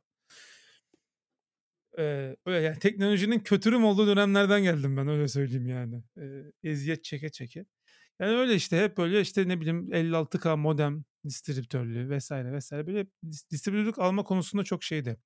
Bu Mac Week diye bir tane haftalık dergi çıkıyordu. Amerika'dan ona abone olmuş. Amerika'dan geliyordu sürekli onun sayıları. Hmm. Orada mesela Macintosh peripheral firmaların reklamları falan oluyordu. İlgisini çeken bir şey olursa mesela hemen yazıyordu. Bir fax çekiyordu mesela. Ben Türkiye'den şöyle şöyle sizin ürününüzden bir tane numune gönderir misiniz? Yani biraz ticaret işi işte mesela benim kafam basmıyor ona. Yani bana mesela yapmak ister misin falan diye sordu. Ben yok yani o kafada bir tüccar kafalı mesela Ahmet Çığışar'ı çıkarttık biz mesela onda da var o kafa. Ben bunu satarım falan diye düşünüyor. Mesela ben öyle bir insan değilim. Ee, böyle anılar var. İşte Macintosh işi bu şekilde. Sonra işte Tetris bilgisayar diye e, şirket kuruyor. Orada daha çok bilgisayar yan işleri. Apple işini bırakıp bilgisayar yan işlerine geçiyor. Tetris bilgisayarda işte ne zaman kapattı ya? Bayağı oldu. 15 sene falan oldu herhalde. 10-15 sene. Şimdi çalışmıyor herhalde artık. Şimdi evet e, evde şey yapıyor. E, açık öğretimden üniversite bitiriyor. Öyle bir hobisi var. İyiymiş. Uluslararası ilişkileri bitiriyor işte son dönemi galiba. Son finallerine girdi yani. İyiymiş. Böyle. Ee, o yüzden böyle benim sürekli bilgisayarım değişiyordu. Ben bu şu an mesela şimdi ondan da bahsederiz. 17. Mekim oluyor hmm. galiba bu. Ya 17 ya 18 oluyor kullandığım. Aynen. Ya ben İş sabah okula giderken bilgisayar böyle evde oluyor. Sabah erken okula giderken bakıyorum bilgisayar yerinde. Akşam bir geliyorum bilgisayar yok. Babam eve başka bilgisayarla geliyor. E bütün kaydettiğim save dosyaları hepsi gitmiş. Hadi bir daha kur. Ben burada çocukken Doom, Duke Nukem falan oynuyordum yani böyle 6-7 yaşında. Wow. Ee, sonra babam tabii görünce şey yapıyordu kaldırıyordu ama babam görmezken falan e, bir şekilde bulup yükleyip oynuyorduk. E, o yüzden o 90'ların o böyle süper kaliteli o dönemin baba oyunlarının hepsini oynamışımdır yani. Mac'te olanları tabii. Hı hı. Hazır Mac'ten konuşuyorken işte şeyi diyecektim ben de. İş değiştirmenin faydalarından biri de yani Mac e, almak. yeni yeni aynen bir de e, yeni başladığın için genelde sana yeni cihaz alıyorlar. E, böyle yani var evet. olan bir cihazı vermiyorlar. Bayağı kutusunu sen açıp ya veriyorsun. Şöyle sağ olsunlar. Sen öyle bir şanslı oldun yani. Evet evet. M2 MacBook Air Amerikan klavye ellerinde o, o vardı. Güzel yeni bir M2 MacBook Air e, sahibi oldum diyelim. Ş- şirket verdi ama olsun. E, açıkçası şöyle söyleyeyim. Ben de bu arada hani kendi paramla bir taşınabilir bilgisayar alacak olsam yine M2 Air alırdım yani. Hiç bunu hmm. kullanmamış olsam da gidip M2 Air alırdım. Biliyorsun bu işte 2016, 2015-2016'dan sonra 2021'e kadarki süreçte Apple laptopları tabiri caizse kronik problemliydi yani. Bana sorarsan çöptü bu arada onu söyleyeyim. Şeyden dolayı bir Intel kullanmaları, işte thermal şeyinin dizaynının iyi olmaması, çok ısınması, klavyesinin zırt pırt bozulması gibi, touch bar gibi e, problemlerle geliyordu. M2 Air benim Apple'dan istediğim her şeye sahip. Bir tek USB-A portu yok. USB-C var. Sen de onu abi bu e, Johnny I Parody diye bir tane Twitter hesabı var. Ben bayılıyorum. Evet. Yani, e, Johnny I taklit ediyor falan böyle ama Aynen. çok böyle üst düzeyden hani e, hakikaten böyle İngiltere kralı, evet. kralıymış gibisinden davranıyor. O da mesela şeyi eleştiriyordu. The Verge var ya onlar da böyle incelemişler M2 Pro e, MacBook'ları. Onlar da düşük puan mı vermişler? USB-A girişi yok diye. Direkt o geldi aklıma yani. Düşük puan verilecek bir Ona şey Ona dalga geçiyordu. Bayağı bir tweet atmıştı birkaç Sadece tane. şöyle bir problem var. iPhone'umu şarj edeceğim mesela. Bende hep USB-A to Lightning kablo var. Çünkü bende iPhone SE var. Hmm. Apple'ın sitesine giriyorum. 479 TL mi? 459 TL mi? Abi ne? yeni bir tane iPhone al artık yani. Şirket versin ya Selçuk'a buradan söyleyeyim Abi, Selçuk. Ad, adamın Şu biri... adama yeni bir tane iPhone gönder. Abi niye? Gayet memnunum iPhone'umdan. iPhone 11 işlemcisi var içinde. Olur mu abi işte Adamın artık. biri yolda düğme bulmuş. E, ziyan olmasın diye gömlek diktirmiş gibi oldu yani. Bilmiyorum. Abi yani... kablo 450 lira vermeyeceğim. Niye 45 bin lira? Abi şey Johnny Ive parodi de abi hep böyle diyor ya böyle Android ile ilgili bir sıkıntı oluyor ya ya da işte iPhone ile ilgili bir sıkıntı. O zaman gitti iki tane iPhone al diyor yani bu kadar basit. Neyse abi bilgisayara dönecek olursak e, fiziksel tuşlu klavye touch bar yok. Tek şikayetim function tuşu sol alt köşede. Ben kontrol tuşunun sol alt köşede olmasına çok alıştığım için CTRL'ye basıyorum derken function'a basıyorum. Bir hmm. sıkıntı o ama onu galiba override edebiliyorsun. Aynen. Trackpad'i MacBook Pro'daki gibi çok büyük değil. Bu bence çok büyük bir artı. O da çünkü bazen yanlışlıkla dokunmalara sebep olabiliyor. Ekranı gayet kaliteli. Klavye de iPad kadar ince ve hafif. Bu arada hakikaten yani sırtım kambur oldu MacBook Pro taşıyacağım diye. Tövbe estağfurullah kömürle çalışıyor gibi alet. Kocaman. Şimdi onun yanında bu minnacık. Hafif. Hı. İşte Hangi touch, renk? Touch ID var. Gece mavisi işte Midnight. Oo. Senin sevdiğin ama çok parmak izi topluyor ya. Her gün siliyorum o, bilgisayarı. O parmak izinden değil de ben şeyden o köşeleri falan bayağı Şu an bir sonra... sıkıntı yok. Ee, bir sıkıntı yaşamadım. Ama ilerleyen zamanlarda ne olur bilmiyorum. Ya olursa da yenisini verir artık. Şirket. Bir de M2 M2 de gay- gayet güzel bir işlemci. Bir de bu 1 TB diski olan ve 16 GB RAM'i olan model. Hani Oo. o açılardan da gayet iyi. İyiymiş. Yani bir sürü programı tak tak açıp sorunsuz bir şekilde çalıştırıyor. Tabii böyle video edit falan denemedim o kadar da. Aynen. Pil ömrü nasıl? Pil ömründen bahset o, o, o zaten bence bence asıl devrim o. Yani diğer hiçbir şeyin o kadar önemi yok ama pil ömrü yani iki gün falan gidiyor. İki, yani iki iş günü gidiyor. Yani ofise gidip çalıştığım zaman hiç şarj, full şarjla gidiyorum. Bütün gün çalışıyorum, kapatıyorum. Ertesi gün işe gidiyorum. Bütün gün full şarj, şey, şarj çalışıyorum. Yine %30 falan kalıyor yani. Böyle saçma bir pil ömrü var. Tabii ben böyle çok ağır işte Docker container falan çalıştırmıyorum arkada. Ya da Xcode'da bir şey build etmiyorum. Daha çok web browsing ve işte Figma falan gibi şeyler kullanıyorum. O yüzden de daha uzun gidiyor olabilir ama e, pil ömrü iyi ki M3'ü çok merak ediyorum mesela. 3 nanometreye geçecekler. 3 nanometre demek daha az güç tüketimi demek. E, 30 saat mi olacak artık pil ömrü ne olacak yani? yani sahne olur ya. yani 24 saat olması şu an 5 nanometre artık... galiba. Aynen. 5 nanometrenin ikinci nesli mi ne? Ee, yani o şekilde yapıyor. Kafeler prizleri falan kaldırıyor. Benim için hiçbir dert değil artık kafelerin prizleri kaldırması. Priz olmadan da ben çok rahat çalışırım. Ee, ya bir de abi. Monster Notebook o... kullananlar düşünsün. Yine gitti sponsorluk. abi baklava tepsisi gibi bilgisayarla geliyor millet kafeye ya. Abi. abi bilgisayarı geçtim abi. Bayağı tuğla gibi şarj abi, aletiyle geliyorlar ya. Bilgisayarın full size keyboard'u var. Yanında bir de numpad'i var abi. O kadar çok alan var ki bilgisayarda. Ben abi o tuğla gibi şarj aletlerinin hastayım ya. Hala aynı abi. Hala kocaman. Yani onu hiç hiç mi yapmıyor? Hiç mi kimse düşünmüyor abi ya bunu biz Ha evet ya bu MacBook yerine şarj aleti iPhone şarj aleti kadar şu kadarcık bir şey minnacık. Ha, çünkü gerek yok o kadar şey artık şeyini Zaten şarj etmiyorsun ya hani e, etsen bile de. Ya tabii milletin tabii şey o büyük PC şeyini anlıyor. Adam oyun oynamak istiyor bir yandan. E, bir tane bilgisayar alacak. Taşıyabilmek, okula götürebilmek istiyor ama onunla kambur olursunuz yani söyleyeyim ben. ben çünkü ağır bilgisayar taşıdığım zaman da eskiden MacBook'lar da ağırdı. Hmm. Şimdi dalgasını geçiyoruz ama eskiden ben iBook falan taşıdım. iBook böyle 4,5 santimlik kalındı. Aynen. Genel olarak memnunsun ama hoşuna Genel olarak yani. memnunum. Ki iBook'un şarjı da bir saat falan gidiyordu. Şimdi 20 saat falan dayanıyor.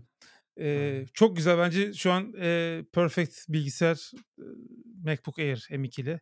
E, tabii ki Pro Workflow için dediğim gibi kullanmadım ve muhtemelen de tavsiye etmem çünkü içinde fan yok ve alet ısınıyor. Yani e, biraz böyle Figma'yı falan köklersen ya da ya onu işte basit bir yazsalar falan yaparsan Clean Shot'ta falan Hemen Onu şey native yazsalar bu kadar sıkıntı olmaz da aslında.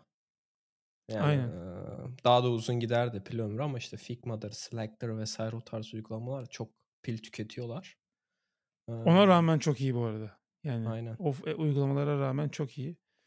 Ee, yani iyi yola gidiyor şu an Mac departmanı diye yorumluyorum ben bu bilgisayarı kullandıktan sonra. Ya ben bana da bize de soruyorlar aslında sürekli dinleyenler hangi MacBook alayım şunları şunları yapacağım. Ben de hep aslında Air tavsiye ediyorum.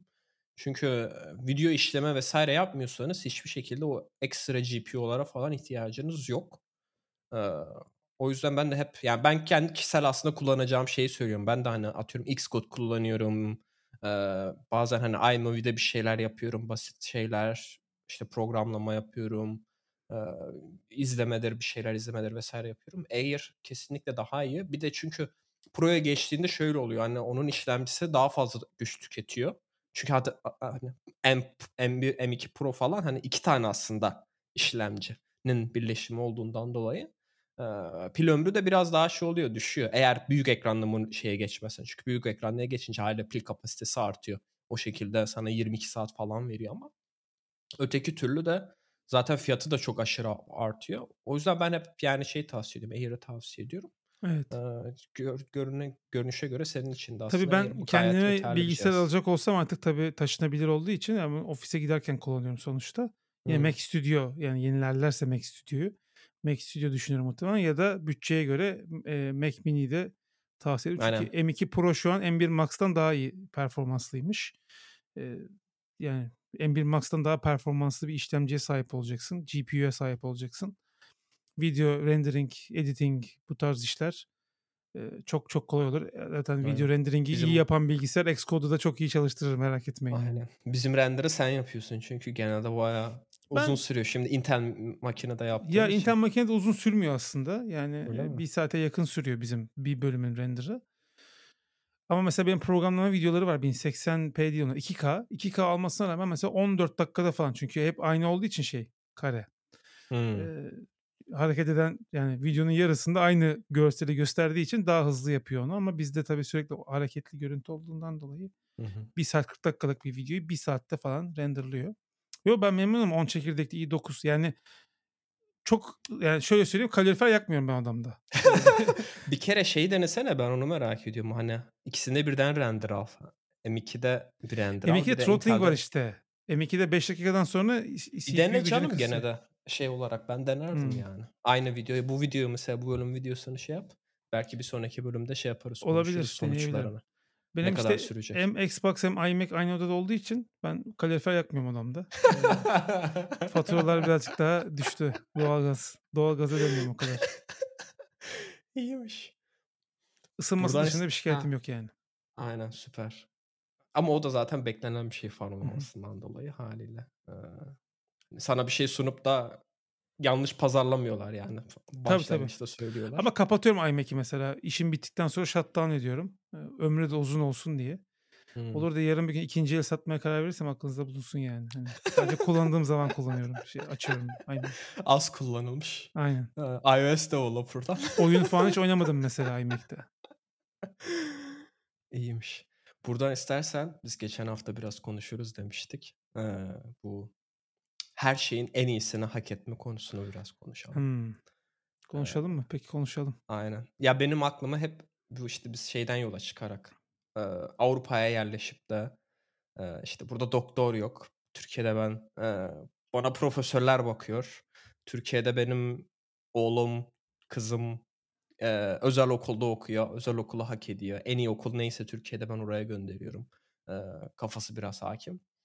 Eee, biraz bence bu konu hakkında sohbet edelim istiyorum. Çünkü ben açıkçası kişisel olarak yani bu mentalitenin çok yanlış olduğunu düşünüyorum. Eee, yani, eee, 1'incisi kendini hani bayağı dünyanın merkezine koyuyorsun. Hı. hani ben en azından kendim için hani ben kimim ki en iyisini hak edeyim hani bir şeyleri. Ya kimse Eee hiçbir şeyin en iyisini hak etmiyor bu arada onu söyleyeyim yani. Aynen. Yani ama işte bazı insanlar öyle düşünüyor. Yani ben en iyisini hak ediyorum. Ya da işte, eee, reklamlarda bile hangi şeyin reklamıydı? Siz buna değersiniz, eee, L'Oréal. gibisinden. Aynen. O da gitti bak. Sen söylemeden ben söyleyeyim. Sponsorluk. But ama hakikaten, eee, insanların hani bu tavrı beni biraz şey yapıyor yani, çok üstten görüyorlarmış gibi geliyor bir kere hani kendilerini diğer insanlara karşı ve karşılaştırma yaptıkları şey de biraz bana garip geliyor. Çünkü atıyorum doktorda mesela hani, eee, ben mesela benim gittiğim doktoru bilmiyorum yani, eee, ne kadar şey böyle, eee, iyi mi? Çünkü atıyorum şey gibi değil bu İstanbul'da mesela genelde işte İstanbul'da işte şöyle bir, eee, ürolog vardır ona gidersin profesör bilmem kim diye. Ben hani hiç öyle araştırmadım Hamburg'daki en iyi işte kulak kulak burun boğazcı kimdir diye. İhtiyacına Arkadaş muhtaç o olmadığın için öyle. A ama yok Zor yani bir abi hastalığın amel olsun Allah korusun o zaman hayır ararsın. şeyde de benim ben burada ameliyat da oldum. Eee, bayağı burnumda nefes almada sıkıntı yaşıyordum. Hımm. Ofisteki arkadaşa sordum. Dedim, eee, o da dedi onda da benzer sıkıntı Şurada olmuş. bir kırıkçı A, dedi çıkıkçı var. Ha, ben de de işte, aaa, Hamburg'da Altona'da bir tane doktor var dedi. Orada dedi şey yaptım dedi. Memnunum dedi. İyi dedim. Ben de gittim ona yani hiç şey yapmadım. A 2'nci bir doktoru araştırmadım bile yani. Çünkü hani şeyi düşünüyorum yani ne kadar iyi olabilir yani hani böyle, Yo, bayağı eee, iyi burada olabilir. burada hep şey abi yani doktorlukta da yani sen sen sen ters argüman veriyorsun da ben şöyle düşünüyorum yani. Hani %10 iyi olabilir, %20 iyi olabilir. Yani 10 kat iyi arasında fark olamaz yani bence bir doktorun. O zaman o doktorda bir sıkıntı vardır Heh, diye düşünüyorum. benim dedem doktor hatasından vefat etmiş. Heh, Ben yani o mesela zaman işte doktorda sıkıntı var. Ama normal şartlar altında yani işte ben en iyi en iyisi en iyi doktoru hak ediyorum. Gidip de benim şey yapmam ya Hamburg'daki en iyi kulak burun boğazcı kim? Niye işte ben burnumdan ameliyat olacağım? En iyisi yapsın demek bana biraz abes geliyor. Bana Benzer ben buna şekilde çok katılmıyorum. Çünkü diğer dedem de doktor hatasından dolayı yaklaşık 6 ama yıldır işte boynunu ama kaldıramıyor. Yanlış şey yaptığı oradaki için oradaki boyun anladım ama kasları. oradaki oradaki, oradaki sıkıntı abi çok farklı. Oradaki sıkıntı bayağı eee incompetence olması doktorun ya. Yani hani işini iyi yapamıyor olması. O çok farklı bir şey. O da mesela ne bileyim Sağlık Bakanlığı'nın bir şekilde denetiminde olması Yok gereken öyle bir olmuyor şey işte abi. Sonuçta benzeri. insani bir şey yani. O gün adam uykusunu almamış olsun farklı sonuç olabiliyor. En ufak bir elinin kayması ameliyat sırasında hata oluyor. O incompetent'lık alakası yok. Ama bu Evet, en iyi bence doktor da örneği iyi olmadı. Onun dışında başka bir şeye çevirsek daha iyi olur sanki. Yo hayır en iyi doktorda da bu olmaz mı? Aynı mesele. O gün en iyi doktor da uykusunu Ya tabii o alamayabilir. birazcık tecrübe işi. Mesela Çin'de doktorların kapısında kaç kişi öldürdükleri yazıyor diye bir şehir efsanesi var ya. Hmm, Ne kadar fazla bilmiyorum. insan öldürdüyse o kadar tecrübelidir işte adam. Bir yapmaz o. Ya da psikopattır yani. Psikopat. Bilmiyorum. Ya ben ben açıkçası hani doktor konusunda da böyle düşünüyorum. Ee, Hı. eğitim konusuna geldiğinizde de öyle düşünüyorum. Ben eğitimde de hiç e, ne bileyim ilkokulda falan okurken de ortaokulda, lisede falan da en iyi okula gideyim, en iyisi olsun gibisinden şeyler hiç düşünmüyordum. Hani neyse Ya odur. ben orada yani eğitimde de bu arada bir Biraz şey bilmiyorum kader ka- kader merkezli davranıyorum Bence herhalde. örnekler şu Ee, an yanlış gidiyor. Çünkü eğitimde de şöyle bir problem var. Devlet eğitemediği için insanlar özel okula vermek mecburiyetinde hissediyorlar.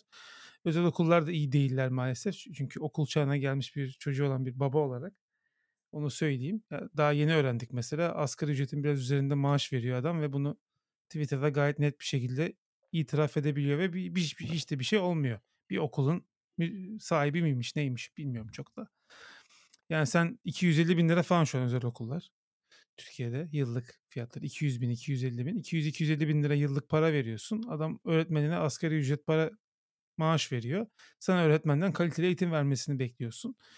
Ee, özel okullar bu durumda. Devlet okulları kim bilir ne durumda. Onu da çok araştıramadık. İşte diyorlar ki okul seçmeyin, öğretmen seçin. E ben öğretmeni nasıl tanıyacağım? Tanıdık vasıtasıyla bulacağım vesaire vesaire. Eğitim konusunda da yine herkes iyisi olsun diye birazcık mecbur kalıyor. Ama diğer konulara gelecek olursa mesela sahip olduğun eşyalar, kullandığın telefon. Mesela hmm. adamın e, maaşı düşük ama adam her sene en son model iPhone almaya çalışıyor mesela. Bu- Bunlardan aslında birazcık daha bahsetsek hani lüzumsuz şeylerden bahsetsek. Sen çok temel şeylerden girdin. Eğitim dedin, Bilmiyorum ben hayır. Hani orada herkes iyisi olsun ister. Çünkü doktor hatasından dolayı ölmek istemezsin abi anladın mı? Burnumu kırdıracağım diye gidersin.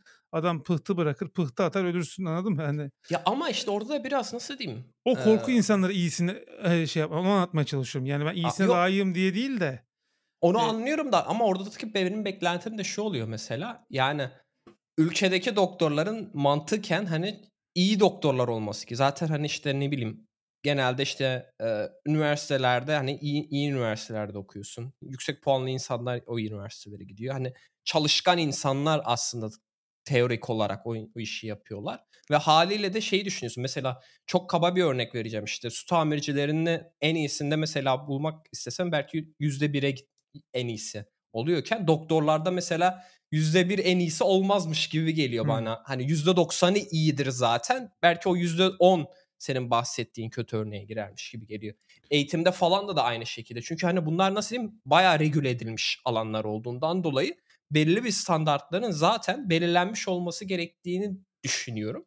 Normal şartlar altında. O yüzden bana saçma geliyor. Hani zaten %90'ı iyi olan bir e, sektörde gidip de sen en iyi %1'liği araman saçma ama atıyorum sadece su tesisatçılarının %1'i en iyiyse yani oradaki %1'i araman mantıklıymış gibi geliyor bana. Çünkü hani öyle bir şey yok yani hani standart yok orada o kadar regüle edilmediğinden dolayı.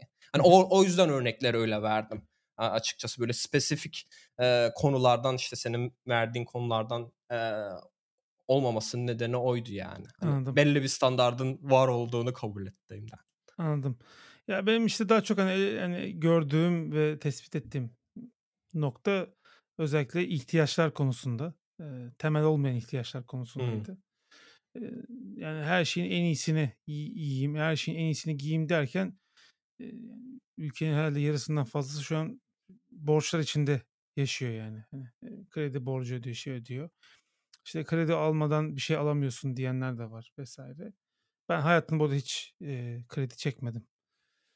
Eee, hani, öyle bir şeyim olmadı, yükümlülüğüm olmadı. Bo borçsuz bir hayat yaşamaya çalışıyorum ki David Graeber'in Borç kitabını da okumadım bu arada ona rağmen yani. Bilmiyorum öyle bir kitap mı onu da bilmiyorum ama. Neyse. Emm, yani, eee, biraz aslında o konuda şeyiz yani şimdi, eee, ülke olarak da zor zamanlardan geçiyoruz diyeyim. Klasik klişe cümle ama. Eee, yani ekonomik olarak sıkıntılar var ve bu işin içerisinden çalışarak geçeceğiz ama bizde şey mantığı var yani birileri gelsin bizi kurtarsın.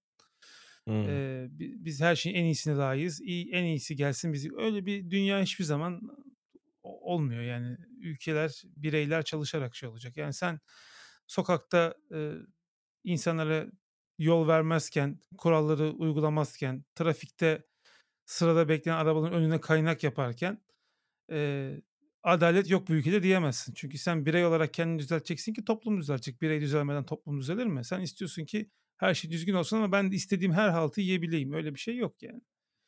Eee, yani benim aslında bu konuyu, hani, seninle kayıt sonrasında konuşmuştuk biraz bu konuyu ama, hani, ülkenin, Türkiye'deki benim gördüğüm en büyük, gözlemlediğim en büyük problem bu. Yani insanlar kendilerinde bir şeyleri düzeltmeden o ha hataları başkasında görüp şikâyet etmeye başlıyorlar. E, sende de var yani aynısı.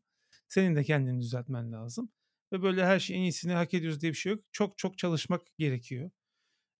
Bazen ben böyle konuştuğum zaman işte ya ben günde şu kadar saat çalışıyorum, ha daha ne kadar çalışayım falan diyenler oluyor.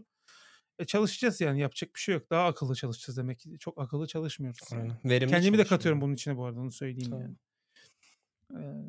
Daha büyük işler yapacağız. Mesela siyasete atılmama falan gibi durumlar da, hani, hep söyleniyor. Ben bir noktada bu ülkenin gençlerinin de siyasete atılmak zorunda kalacağını düşünüyorum yani. Çünkü şu an siyasetteki insanlar çok yüksek yaşlı insanlar. E, bunun altından bir nesil gelecek ki bu iş devam etsin değil mi? Yani bu ülke yönetilsin bir şekilde. E, aman siyasete girmeyeyim, aman ya ben arada siyasetçi olacağım falan diye demiyorum da. Hani, yarın bir gün hakikaten ülke için mecbur kalırsan girersin yani. Eee, öyle düşünüyorum en azından öyle bakıyorum. O yüzden, eee, teknolojiden sorumlu birisini arayan parti varsa Yok Allah korusun. Hiç girmek istemem ama girmek zorunda kalırsam da çekinmem diye Hı hı. şey yapayım, Peki düzelteyim bu yani. şeyde ki devam edelim istersen yani insanların hani teknoloji konusunda ya da eşyalar konusunda her şeyin en iyisi. Ben onu mesela şeyde çok görmüştüm bu, eee, mutfak aletlerinde. Hımm. Eee, bir tane S ile başlayan bir tane marka vardı unuttum şimdi adını. Eee, Sigma değil de neydi? KitchenAid Eee, falan var onlar mı ki? yok, hayır ya ötekisi böyle retro tasarımı falan He, vardı. Smeg.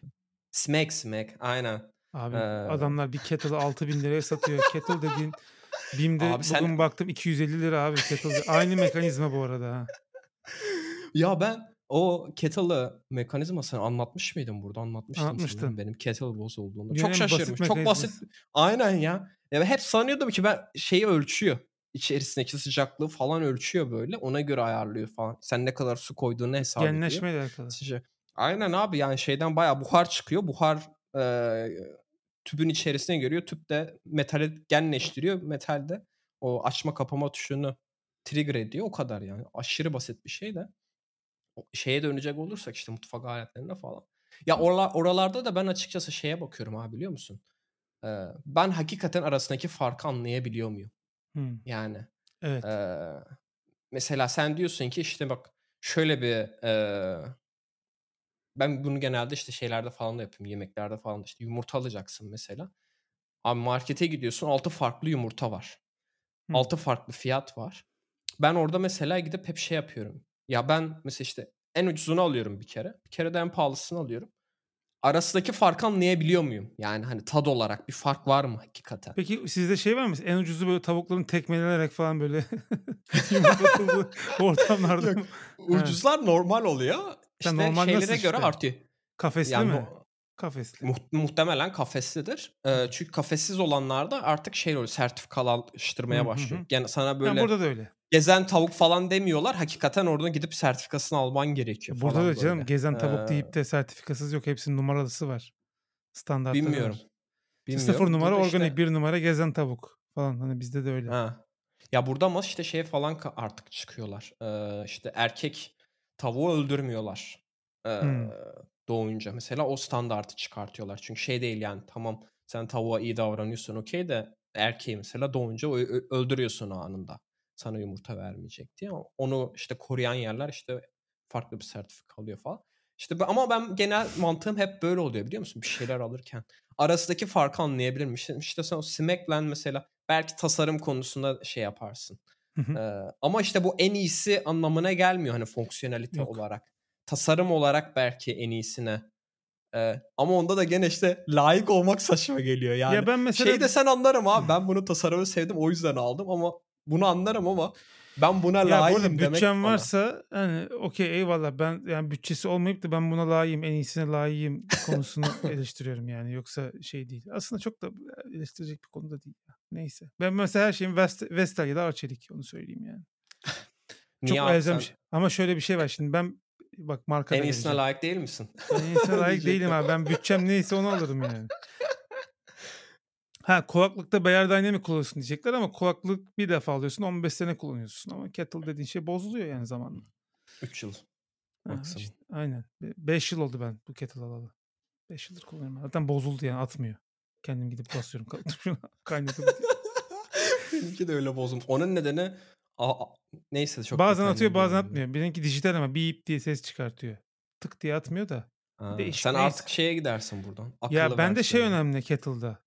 Bebek maması tuşu olunca mesela bebek maması ısıtmak için anladın mı? O Hmm. ideal oluyor.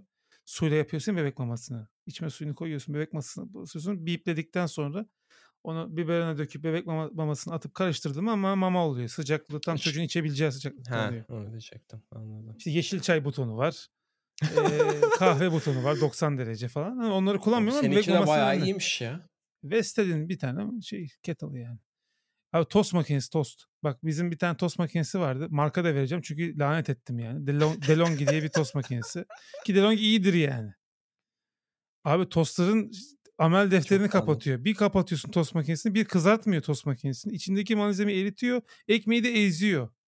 Bir de böyle şey tırtıklı yapmamışlar böyle dalgalı yapmışlar. Geniş dalgalı. Hmm. Ulan şey böyle ucuz kantin tostlar olur ya okullarda. İçine kaşar bile koymazlar. Öyle tost çıkıyor. Ulan hiç keyfi yok. Yok ekmeği kalınlaştırıyorum. Yok bilmem ne. Abi- dışı kızarmıyor abi. Dışı kızarmayan Abi tost mu sana- olur? Sana Heh. sanayi sanayi tost Heh. makinelerinden almak lazım. Ee, geçen işte öyle gittim. Dedim yeter lan artık dedim. Adam akıllı tost yiyeceğim. Vallahi bak öyle çok şey yapmam yani. en iyisine layığım falan değildi yani. Dedim adam akıllı dedim. Bunun ne dedim bu vereyim parasını alayım yani. Gittim işte bir tane Sage diye bir marka var. Eskiden Breville diye geçiyordu. Şimdi Avrupa'daki ismini Sage yaptılar. Hmm. Büyük indirim vardı yılbaşından önce.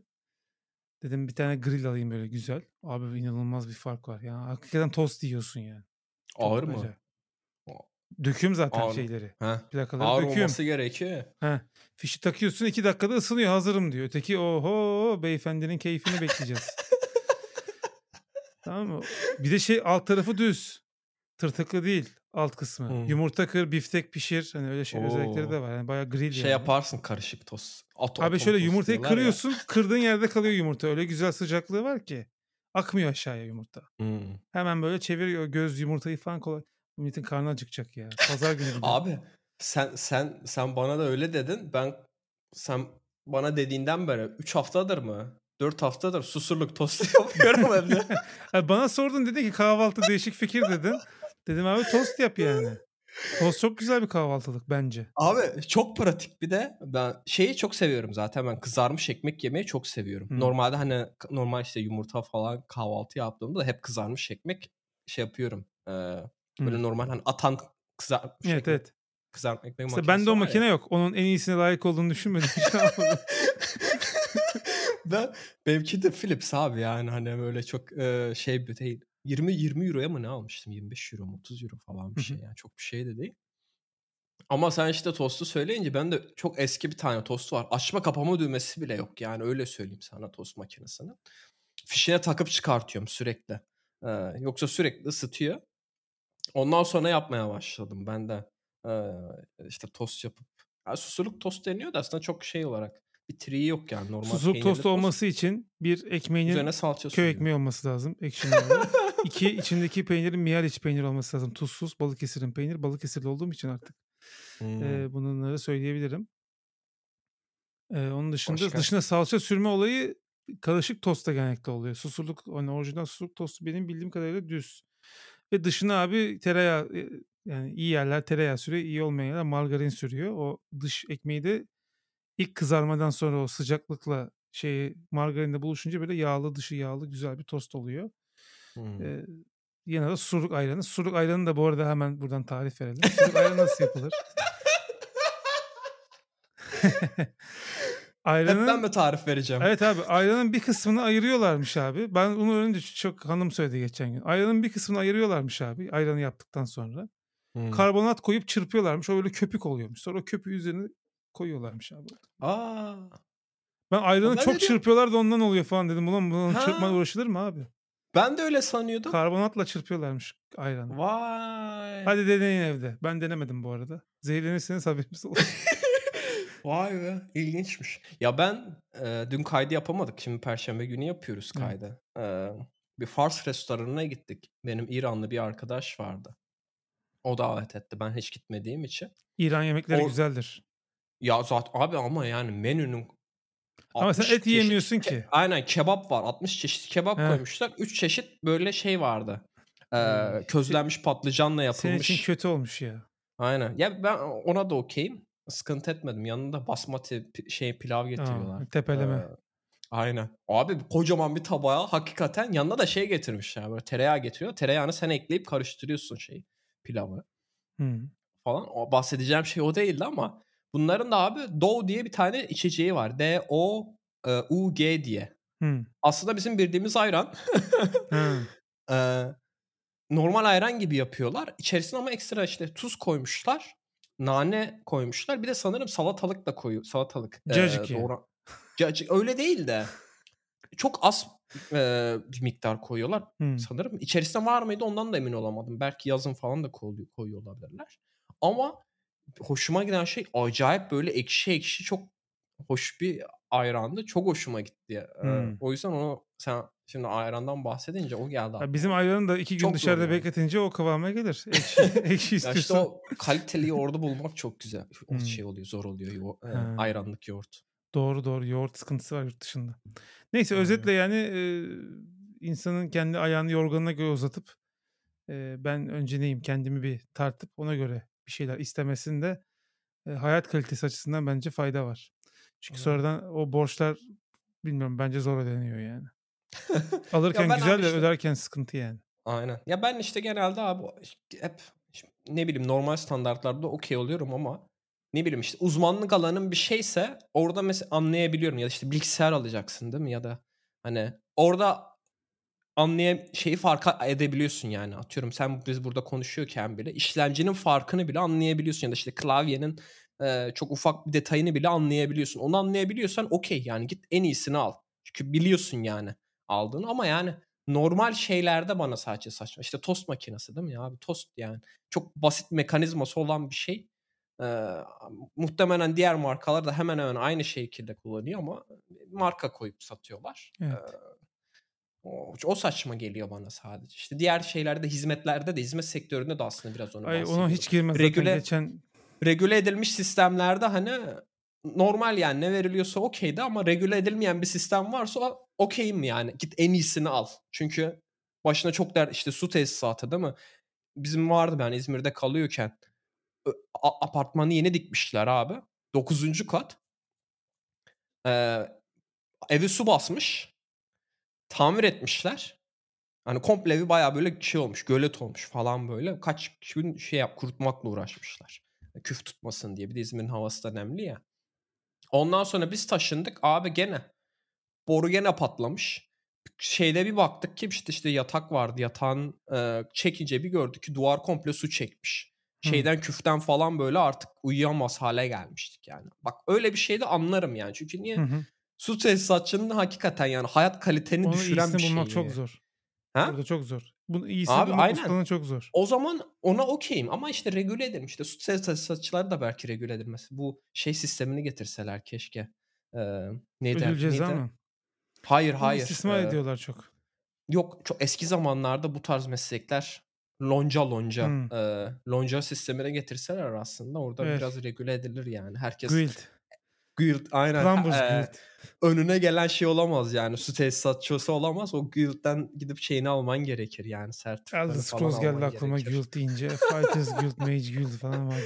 Sen bir şeyden bahsedecektin. Moralini bozan bir şey mi? Servis sektörü dedin. Ya Hizmet evet, ha, dedin. evet abi ya bir de burada şey var abi. Mesela müşteri ise bütün şeyin sahibiymiş gibi davrananlar var ya müessesenin sahibiymiş gibi. Geçen işte öyle bir şeye denk geldim. Yani böyle adam bir herhalde bir 10 sene daha devam etse ben de alacaktım adama yani. O kadar e, sinirlendirdi beni. Abi mevzu şu adam kasaya gelmiş diyor ki ben diyor bunu satın aldım. Ama bunun üzerindeki emniyet şeyini unutmuşsunuz diyor. Var ya iğnesi. Ha. Kapıdan geçince ötüyor. Diyorlar ki fişinizi gösterin hemen çıkartalım. Çünkü Hı. niye? Herhangi bir vatandaş da raftan bir ürün alıp bunun güvenliğini unutmuşsunuz deyip çıkarttırıp çıkabilir dışarıya. Tabii. Bunu da anlatıyorlar karşı tarafa. Adam bağırmaya başlıyor. Diyor ki kardeşim bunu diyor çıkartacaksın çıkartın. Siz unutmuşsunuz bunu diyor. Kadın da diyor ki bakın gayet basit bir mantık yani. gayet kibar bir şekilde kadın anlatıyor. Diyor ki böyle böyle bu işte bu şekilde suistimal edilebilir. Zaten diyor şeyse kapıdan çıkarken öttüyse fiş yanınızdadır. Ben diyor fişin diyor takibini tutacağım diyor. Sonradan adam bu arada bunu hep bağırarak söylüyor. Yani bütün mağaza adamı duyuyor, dinliyoruz. Adam diyor ki barkodu okut diyor, anlarsın zaten diyor bunun diyor. Benim benim aldığımı diyor. Kadın diyor ki barkod sadece ürünün bilgisi var yani orada. Tabii. Senin ne zaman aldığını girmez ki. Bir de böyle de bir şey var. Yarı cahillik de var yani biliyormuş gibi. Ya satılıp satılmadığını bilmiyor yani. Her barkod özel barkod değil. Adam diyor yani ki "Ne- aslında. fişi diyor nereye attınız çöpe falan mı attınız diyor. Adam diyor ki ben bunu iki hafta önce aldım dedi en sonunda. Dediler ki yani iki haftadır iğneyle mi gezdiniz? Sen diyor bana diyor onun diyor hesabını soramazsın. Ne zaman istersem getiririm diyor. Kıyafet falan mı ya? Kıyafet kıyafet. Ben Ha. bir müşteri değil miyim falan filan. Tam bir dağ ayısı affedersin. Çünkü bağırıyor abi. Herif haksız. Arada mesela adam zaten haksız bağırdığı için direkt haksız yani. Suçluluk psikolojisi çünkü bağırarak tepki vermek. Hı. Neyse neticede yaptılar. Adam bağırmasının sonucunu aldı. Ee, mağaza müdürü falan geldi. Sakin olun falan dedi. Ya niye sakin olsun abi? Vermiyorum. Çıkartmıyorum iğneyi de ya. Bu kadar basit ya. Hırsız Abi hırsızsın sen uğraşmak, de. Getir fişini de bakayım de. Bu kadar basit yani. Ha işte böyle bağıran haklı olunca ülkenin her yerinde bu var. Bağıran haklı oluyor. Böyle. Bağıranın hemen mamasını veriyorlar, susturuyorlar. O yüzden de hiçbir şey ilerlemiyor. Doğrudur. Buradan istersen eee, senin yeni title'ına mı mesleğine mi desem desem. Product manager'lık evet. aynen. Ya biraz böyle şey veriyorum ki sonradan gelsin. Bırakmıyorsun. Şu az sonra şeyini. eee, sunumu gibi yapayım İstersen istiyorum. Acun programı gibi şöyle gerilimli müzik verelim biraz sonra diye. O Reklam gibi. konuşmadan şöyle bir kuple koyarız. Aralara serpiştireyim editte istersen. Aynen. Yok aynen. Ya daha önceki eee çalıştığın startupta aslında tam olarak yapamadığın, yapmak isteyip de yapamadığın bir eee mevzuydu Orada daha fazla rolüm vardı. Burada birazcık daha Aynen. daraltıldı. Odaklanamıyordun en azından bu konuya ama eee, yeni şirketinde tam istediğin şekilde eee, product manager'la eee, soyunuyorsun diyeyim. Evet. Sektörün tabiriyle. Ya bir sürü Belki biraz Hı hı, bahsedeyim. Ne yaptığımdan bahsedeyim. Aynen product manager ne yapar belki biraz ondan bahsetmek lazım. Bir de çünkü e, herkes çok farklı anlıyor. Özellikle yani ben Türkiye'de e, çalışırken gördüğümü söylüyorum. E, herkesi şey demiyorum. Türkiye'deki herkes böyledir demiyorum. Çünkü bazen öyle anlaşılıyor. Hani çoğu kişi bilmiyor e, aslında product manager nedir. Hani product manager olanlar bile farkında olmuyorlar. O yüzden Evet. belki biraz detaylı konuşalım istiyorum. Çünkü ben de Tabii. hani şu ana kadar belki 10 farklı product manager'la çalışmışımdır yani. O konuda biraz bilgi sahibi olduğumu düşünüyorum en azından. E, eyvallah. Şimdi product e, çı dediğimiz insanlar özellikle e, üründen sorumlu insanlar. Üründen sorumlu insan deyince ne anlama geliyor? Nesinden sorumlu ürünün? Mesela şimdi e, özellikle e, CEO'nun olduğu şirketlerde diyelim. CEO dediğin insan aslında ürünle ilgilenmez. CEO'nun görevi şudur. Bir vizyon belirlemek yani ürün nereye gidecek, hangi sektöre gidecek, hangi business'a girecek onlara karar vermek ve altındaki ekibi kurmak. Altındaki ekip de en alttaki ekip değil. Yani o altındaki işte CTO'dur, neyse CFO'dur vesaire onları kurmak ve onları idare etmek. Onlar da kendi altlarına gidiyor. Yani aslında genel olarak hiyerarşik düzen bu şekilde. Tabii mesela sizin şirkette VP of Product var yani product manager'ların başı diyoruz ona. Hı hı. Ee, ürün bütün üründen sorumlu olan kişi. Ama daha böyle tabii ufak firmalarda product manager dediğimiz insan yönetim kanadının ürünün anahtarını teslim ettiği insanlar oluyorlar. Yani bu insanlar aslında ürünün başından sonuna kaliteli bir şekilde piyasaya çıkartılıp yayınlanması ve bu çıkan ürünün business golleri yani şirketin hedefleriyle uyuşmasını sağlayan kişi. Yani aslında çok fazla koşturması olan ve çok fazla emek harcayan kişi oluyor. Çünkü product manager süreci uçtan uca kontrol ettiği için işte şirketler takımlar mesela nasıl çalışacak? Mühendislik takımlarının nasıl çalışacağını daha çok işte engineering lead'ler vesaire karar veriyor ama işte tasarım nasıl yapılacak? Bu tasarım nasıl aktarılacak? Bu süreçler nasıl tasarlanacak? Bunlara da karar vermesi gerekiyor ki o ekibin şekline göre efektif bir şekilde ürün çıkartılabilsin. E, product manager bu işleri de yapıyor. O yüzden product manager olan insanların hem tasarımdan hem yazılımdan hem süreçlerden hem ekip kurmadan hem de iletişimden çok iyi anlıyor olması lazım. Soft skill'lerin de kuvvetli olması lazım. Bilmiyorum buraya kadar doğru anlattım mı? Aynen güzel Heh. gidiyorsun. Bilmiyormuşum gibi anlaşılmasın ama hani onların şirketinde her şey çok farklı olduğu için benim deneyimimle Mert'in deneyimi çok farklı olabilir. Aynen. Ee, ama neticede işte mesela çok büyük şirketlerde birden fazla product manager oluyor. Tamam. Mesela işte Spotify'dan örnek verelim. Onlar dişten çıkartma yapmışlar bu arada. Explorer'ın product manager'ı ayrı. Playback'in product manager'ı ayrı. Dashboard'un product manager'ı ayrı. Podcast'lerin product manager'ı ayrı. Bunların hepsinin görevleri var. Şirketin belli hedefleri var. Bir vizyonu var. Ulaşmaya çalıştığı bir yer var. Oraya doğru ürünlerin geliştirilmesini sağlıklı bir şekilde geliştirilmesini sağlamak ve yönetimle ürün yani işin mutfağıyla yönetim arasındaki o kademede product manager'lar duruyor diyebiliriz. Hı hı. Bence çok güzel tanımladın.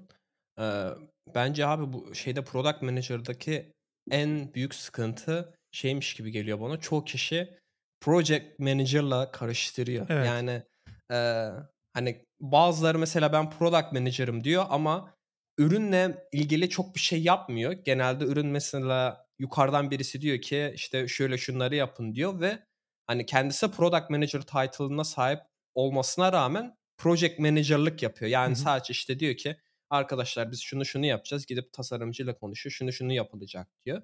Hani kendi fikrini bile sunmuyor orada. Ondan sonra işte engineer'larla da konuşuyor. Bunlar yapılacak diyor. Onları organize ediyor e, aslında yaptığı iş. İş zamanında çok, bitecek mi bitmeyecek mi? Kim hangi ticket'ları alacak? Sprint'te neyi koşacağız? Bunlar. Aynen. Bir de onları sorguluyor sürekli. İşte stand-up falan yapıp onların Hı-hı. aslında stand-up'ı manage ediyorlar falan işte. Kim nerede ne yapıyor? Nerede blocker var falan gibisinden. Ama aslında product manager'lık bu değil yani.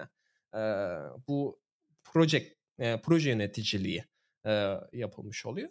O yüzden e, ben biraz da sohbet etmek istedim. Daha iyi e, tanımlayalım diye benim gördüğüm şirketlerde de mesela bazı bazıları hakikaten e, tek yaptı. Çünkü senin bahsettiğin gibi büyük şirket büyüdükçe aradaki kademeler de artıyor. Mesela işte product manager'ların product lead'i oluyor. Ya da işte director of product oluyor. Onlarla birlikte aslında genel stratejiyi belirliyorlar ama bazıları hakikaten e, yani ben şöyle senaryolarda da karşılaştırdım. Adam mesela atıyorum profil sayfasının proje pro, product manager'ı hani hani genelde şey olarak karıştırmasın yani hani MacBook Pro'da yani tek bir ürün yöneticisi dediğinde hani biz dijital bir ürün olduğundan dolayı işte Spotify Product Manager'ı olmuyor. Hala ürünü senin bahsettiğin gibi parçalara bölünüyor. Farklı alanları farklı Product Manager'lar yönetiyor. Ama işte profil, profile, profil sayfasının işte Product Manager'ı profil sayfasındaki mesela özellikleri bilmiyordu. Ya da işte bir şey geliştirilecekse bunu hani işte işte normalde sen de bahsedersin işte ürün nasıl geliştirir soracağım sana birazdan. Hani bunu nasıl diyeyim bir yerden gelen bir anda fikirlerle şeylerle bir değil hakikaten e, user research yaparsın. İşte kullanıcı datalarını incelersin, kullanıcı davranışlarını incelersin. E, daha sonra tasarımcınla birlikte e, belirli işte işler, wireframe'ler çıkartırsın. Bunları tekrardan kullanıcılara sunarsın. Onlardan feedback alıp tekrar iterasyon yapıp birkaç sefer e, olması gereken hale getirip daha sonra da gidip bunu işte teknik anlamda ne kadar mümkün e, engineer'larla konuşursun vesaire. E, bunu yapmaktan ziyade işte bazıları genelde dediğim gibi işte project manager'la yöneliyor. Ama benim mesela ilgimi çeken çünkü biz senle e, aslında asıl meslek olarak e, nasıl diyeyim uzmanlık alanımız mühendislik. Yani biz Hı-hı. yazılım geliştiriyoruz. Ama e, bizim seninle ortak noktamız e, biz böyle product minded e, kafasında aslında ürün e, man, ürünü sürekli önemseyen, ürünü sürekli düşünen insanlar olduğumuzdan dolayı o konuda aslında biraz daha geliştirmeler yapıyoruz. Yani işte bu ürün kullanıcı hakikaten fayda sağlayacak mı? Kullanıcı böyle bir aksiyon alınca nasıl olması gerekiyor gibisinden yapıyoruz. O yüzden e, biraz da topu sana atayım. Yani sen e, muhtemelen işte 3 hafta oldu dedin. E, gördün şirkette nasıl olduğunu ve e, aklına artık bir şeyler planlamışsındır. Hani nasıl ürün geliştirmeye başlayacaksın? Nasıl planlıyorsun? Neleri yapacağını vesaire. Belki biraz onlardan bahsederiz. Yani Tam da çok, o aşamada çok şirket için. için anlatmayayım tabii de. Tabii şirket için değil de sen kendi işte planlamanı nasıl yapıyorsun? Ürünü hani konuşacağın üründen ziyade hani süreci aslında paylaşman. Ya şöyle lazım. aslında bir analizle başlıyor. Yani şu an tam olarak neye ihtiyacı var ekibin? Onu bir öncelikle görüyorsun. Ürünün de neye ihtiyacı var ona da bakıyorsun. Şirketin de neye ihtiyacı var biraz aslında ona da bakıyorum ben. Çünkü şirketi de bir product olarak düşünebiliriz bir yandan. Kendisini tanıtması gerekiyor e, diyelim örnek verelim. E, bunların hepsini ele alarak e, başlıyorsun. Mesela ekibin içerisinde şeyi gözlemliyorsun. Mesela bir feature geliştirildiğinde ya da bir ürün geliştirildiğinde testing konusunda sıkıntı yaşıyorlar mı? Ya da defect rate'i mesela yüksek mi? Yani yapılan iş e, çok fazla bug'lı olduğu için yayınlanamıyor mu mesela? Bunlara bakıyorsun hmm. ve buna göre mesela süreçleri ya aslında şu, onun yerine şunu mu denesek ya da şöyle bir proses mi koysak ortaya gibisinden e, tekliflerle gelebiliyorsun ve onu deniyorsun bir yandan da.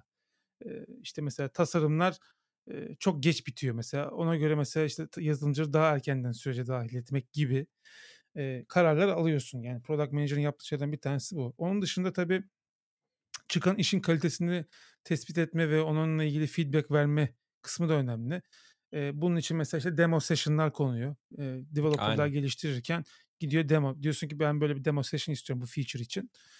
E, sana bir küçük bir demo yapıyorlar. Evet edge case'ler handle edilmemiş ama ana kısım çalışıyor. Bu bakalım nasıl gerçek hayatta bizim ürünün içerisinde ne kadar uyuyor. Ona göre mesela feedbackler veriyorsun. Burası olmuş. Burayı daha kaliteli hale getirelim. Burayı şu şekilde yapalım gibisinden. Daha böyle e, üst level feedbackler veriyorsun. Çünkü onun için designer'dır, işte engineering lead'dir, onun teknik detayına vesaire onlar karar verecekler bunun nasıl olacağını ama sen tam olarak ne istediğin üründe onu anlatıyorsun.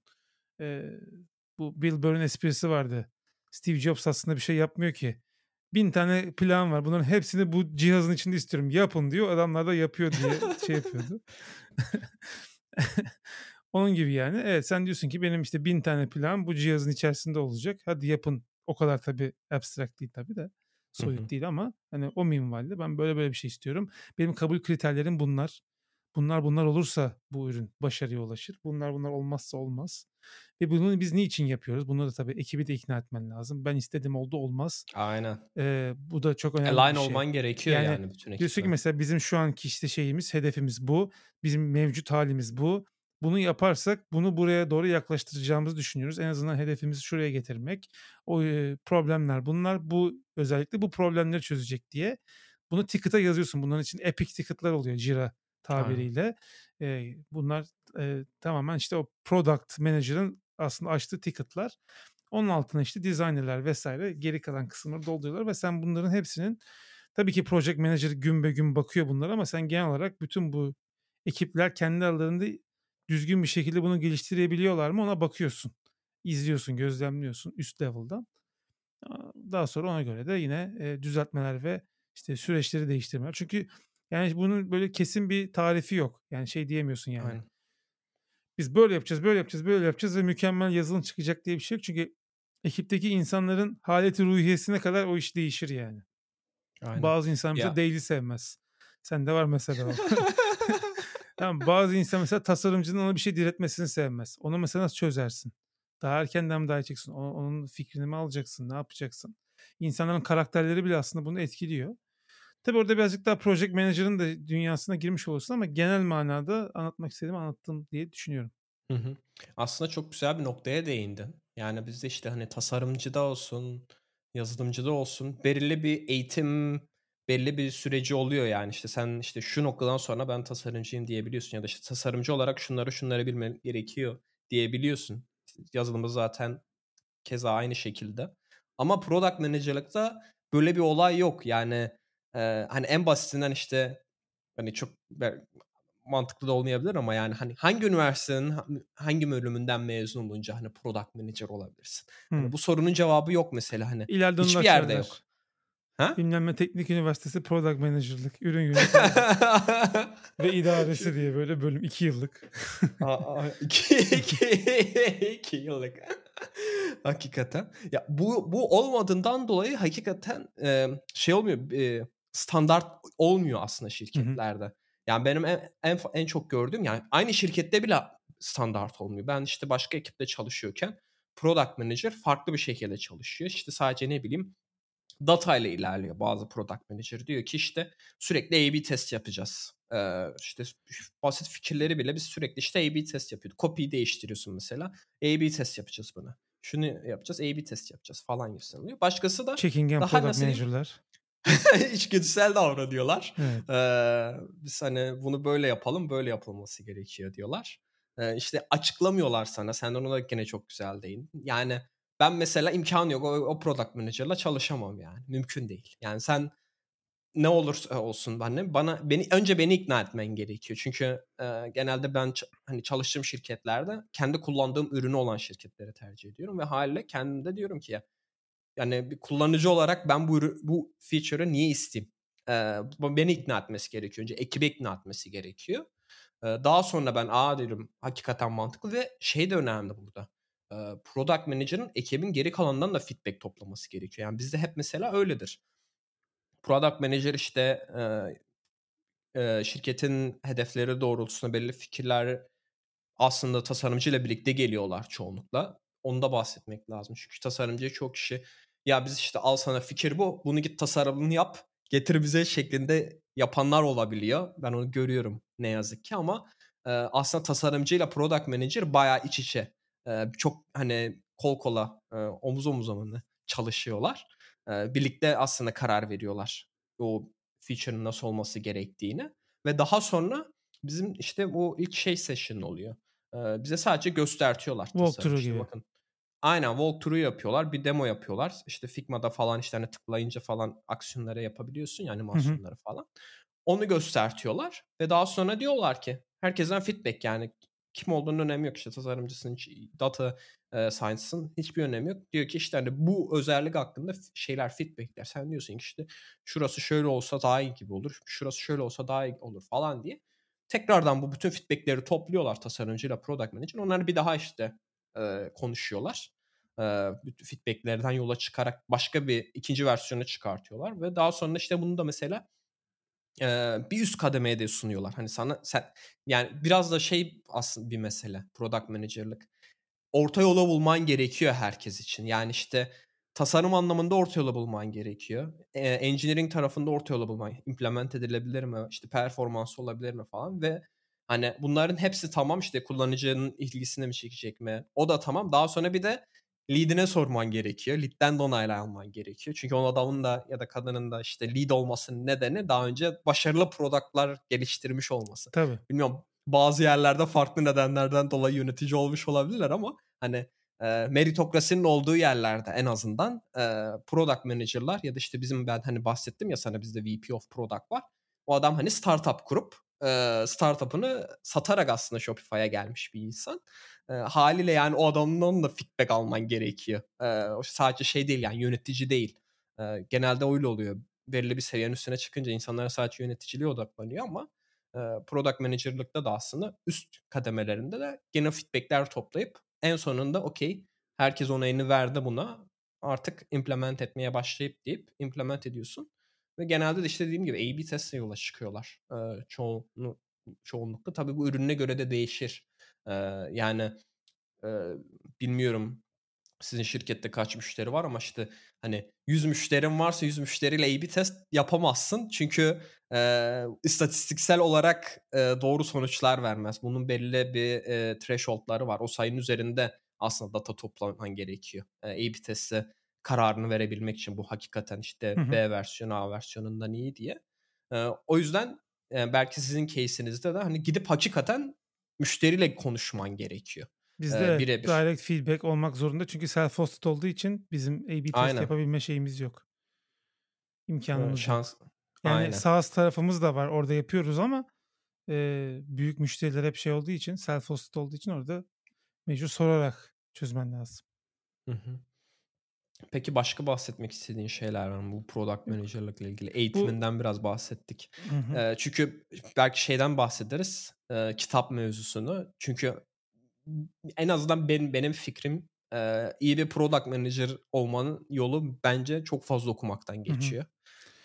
Bir de bol bol ürün kullanmak ve üründen anlamak. Yani Hıı. aslında oradaki o sistemi kurabilme mevzusu ya product manager. Yani böyle bir şeye ihtiyacınız var. Orada o kreativiteyle beraber diyorsun ki işte şöyle bir feature geliştirirsek veya mesela teknik tarafının da olması gerekiyor bence product manager'da. Yani O! eee, Kesinlikle. ya işin mutfağına bir girmiş olmak gerekiyor. Bir dönem çalışmış olmak gerekiyor ki hani şey öteki türlü çünkü mühendislik ekibine gidecek, mühendislik gidecek bu yapılamaz. Bazen hakikaten yapılabilir şeyler de yapılamaz diyebiliyor mühendislik ekipleri. Ya Aynen. uğraşmak istemedikleri için. Aynen. Mesela onu bilebilmek product manager çok başka bir noktaya taşıyor. O yüzden zaten çok nadir yetişen bir şey product manager. Ya benim de açıkçası fikrim, eee, teknik background'u olan product manager'lar genelde çalıştığım en iyi product manager'lar oluyor. Evet. Çünkü dediğin gibi hem hani mühendis olarak etkileşim kurman çok iletişim kurman çok daha kolay oluyor.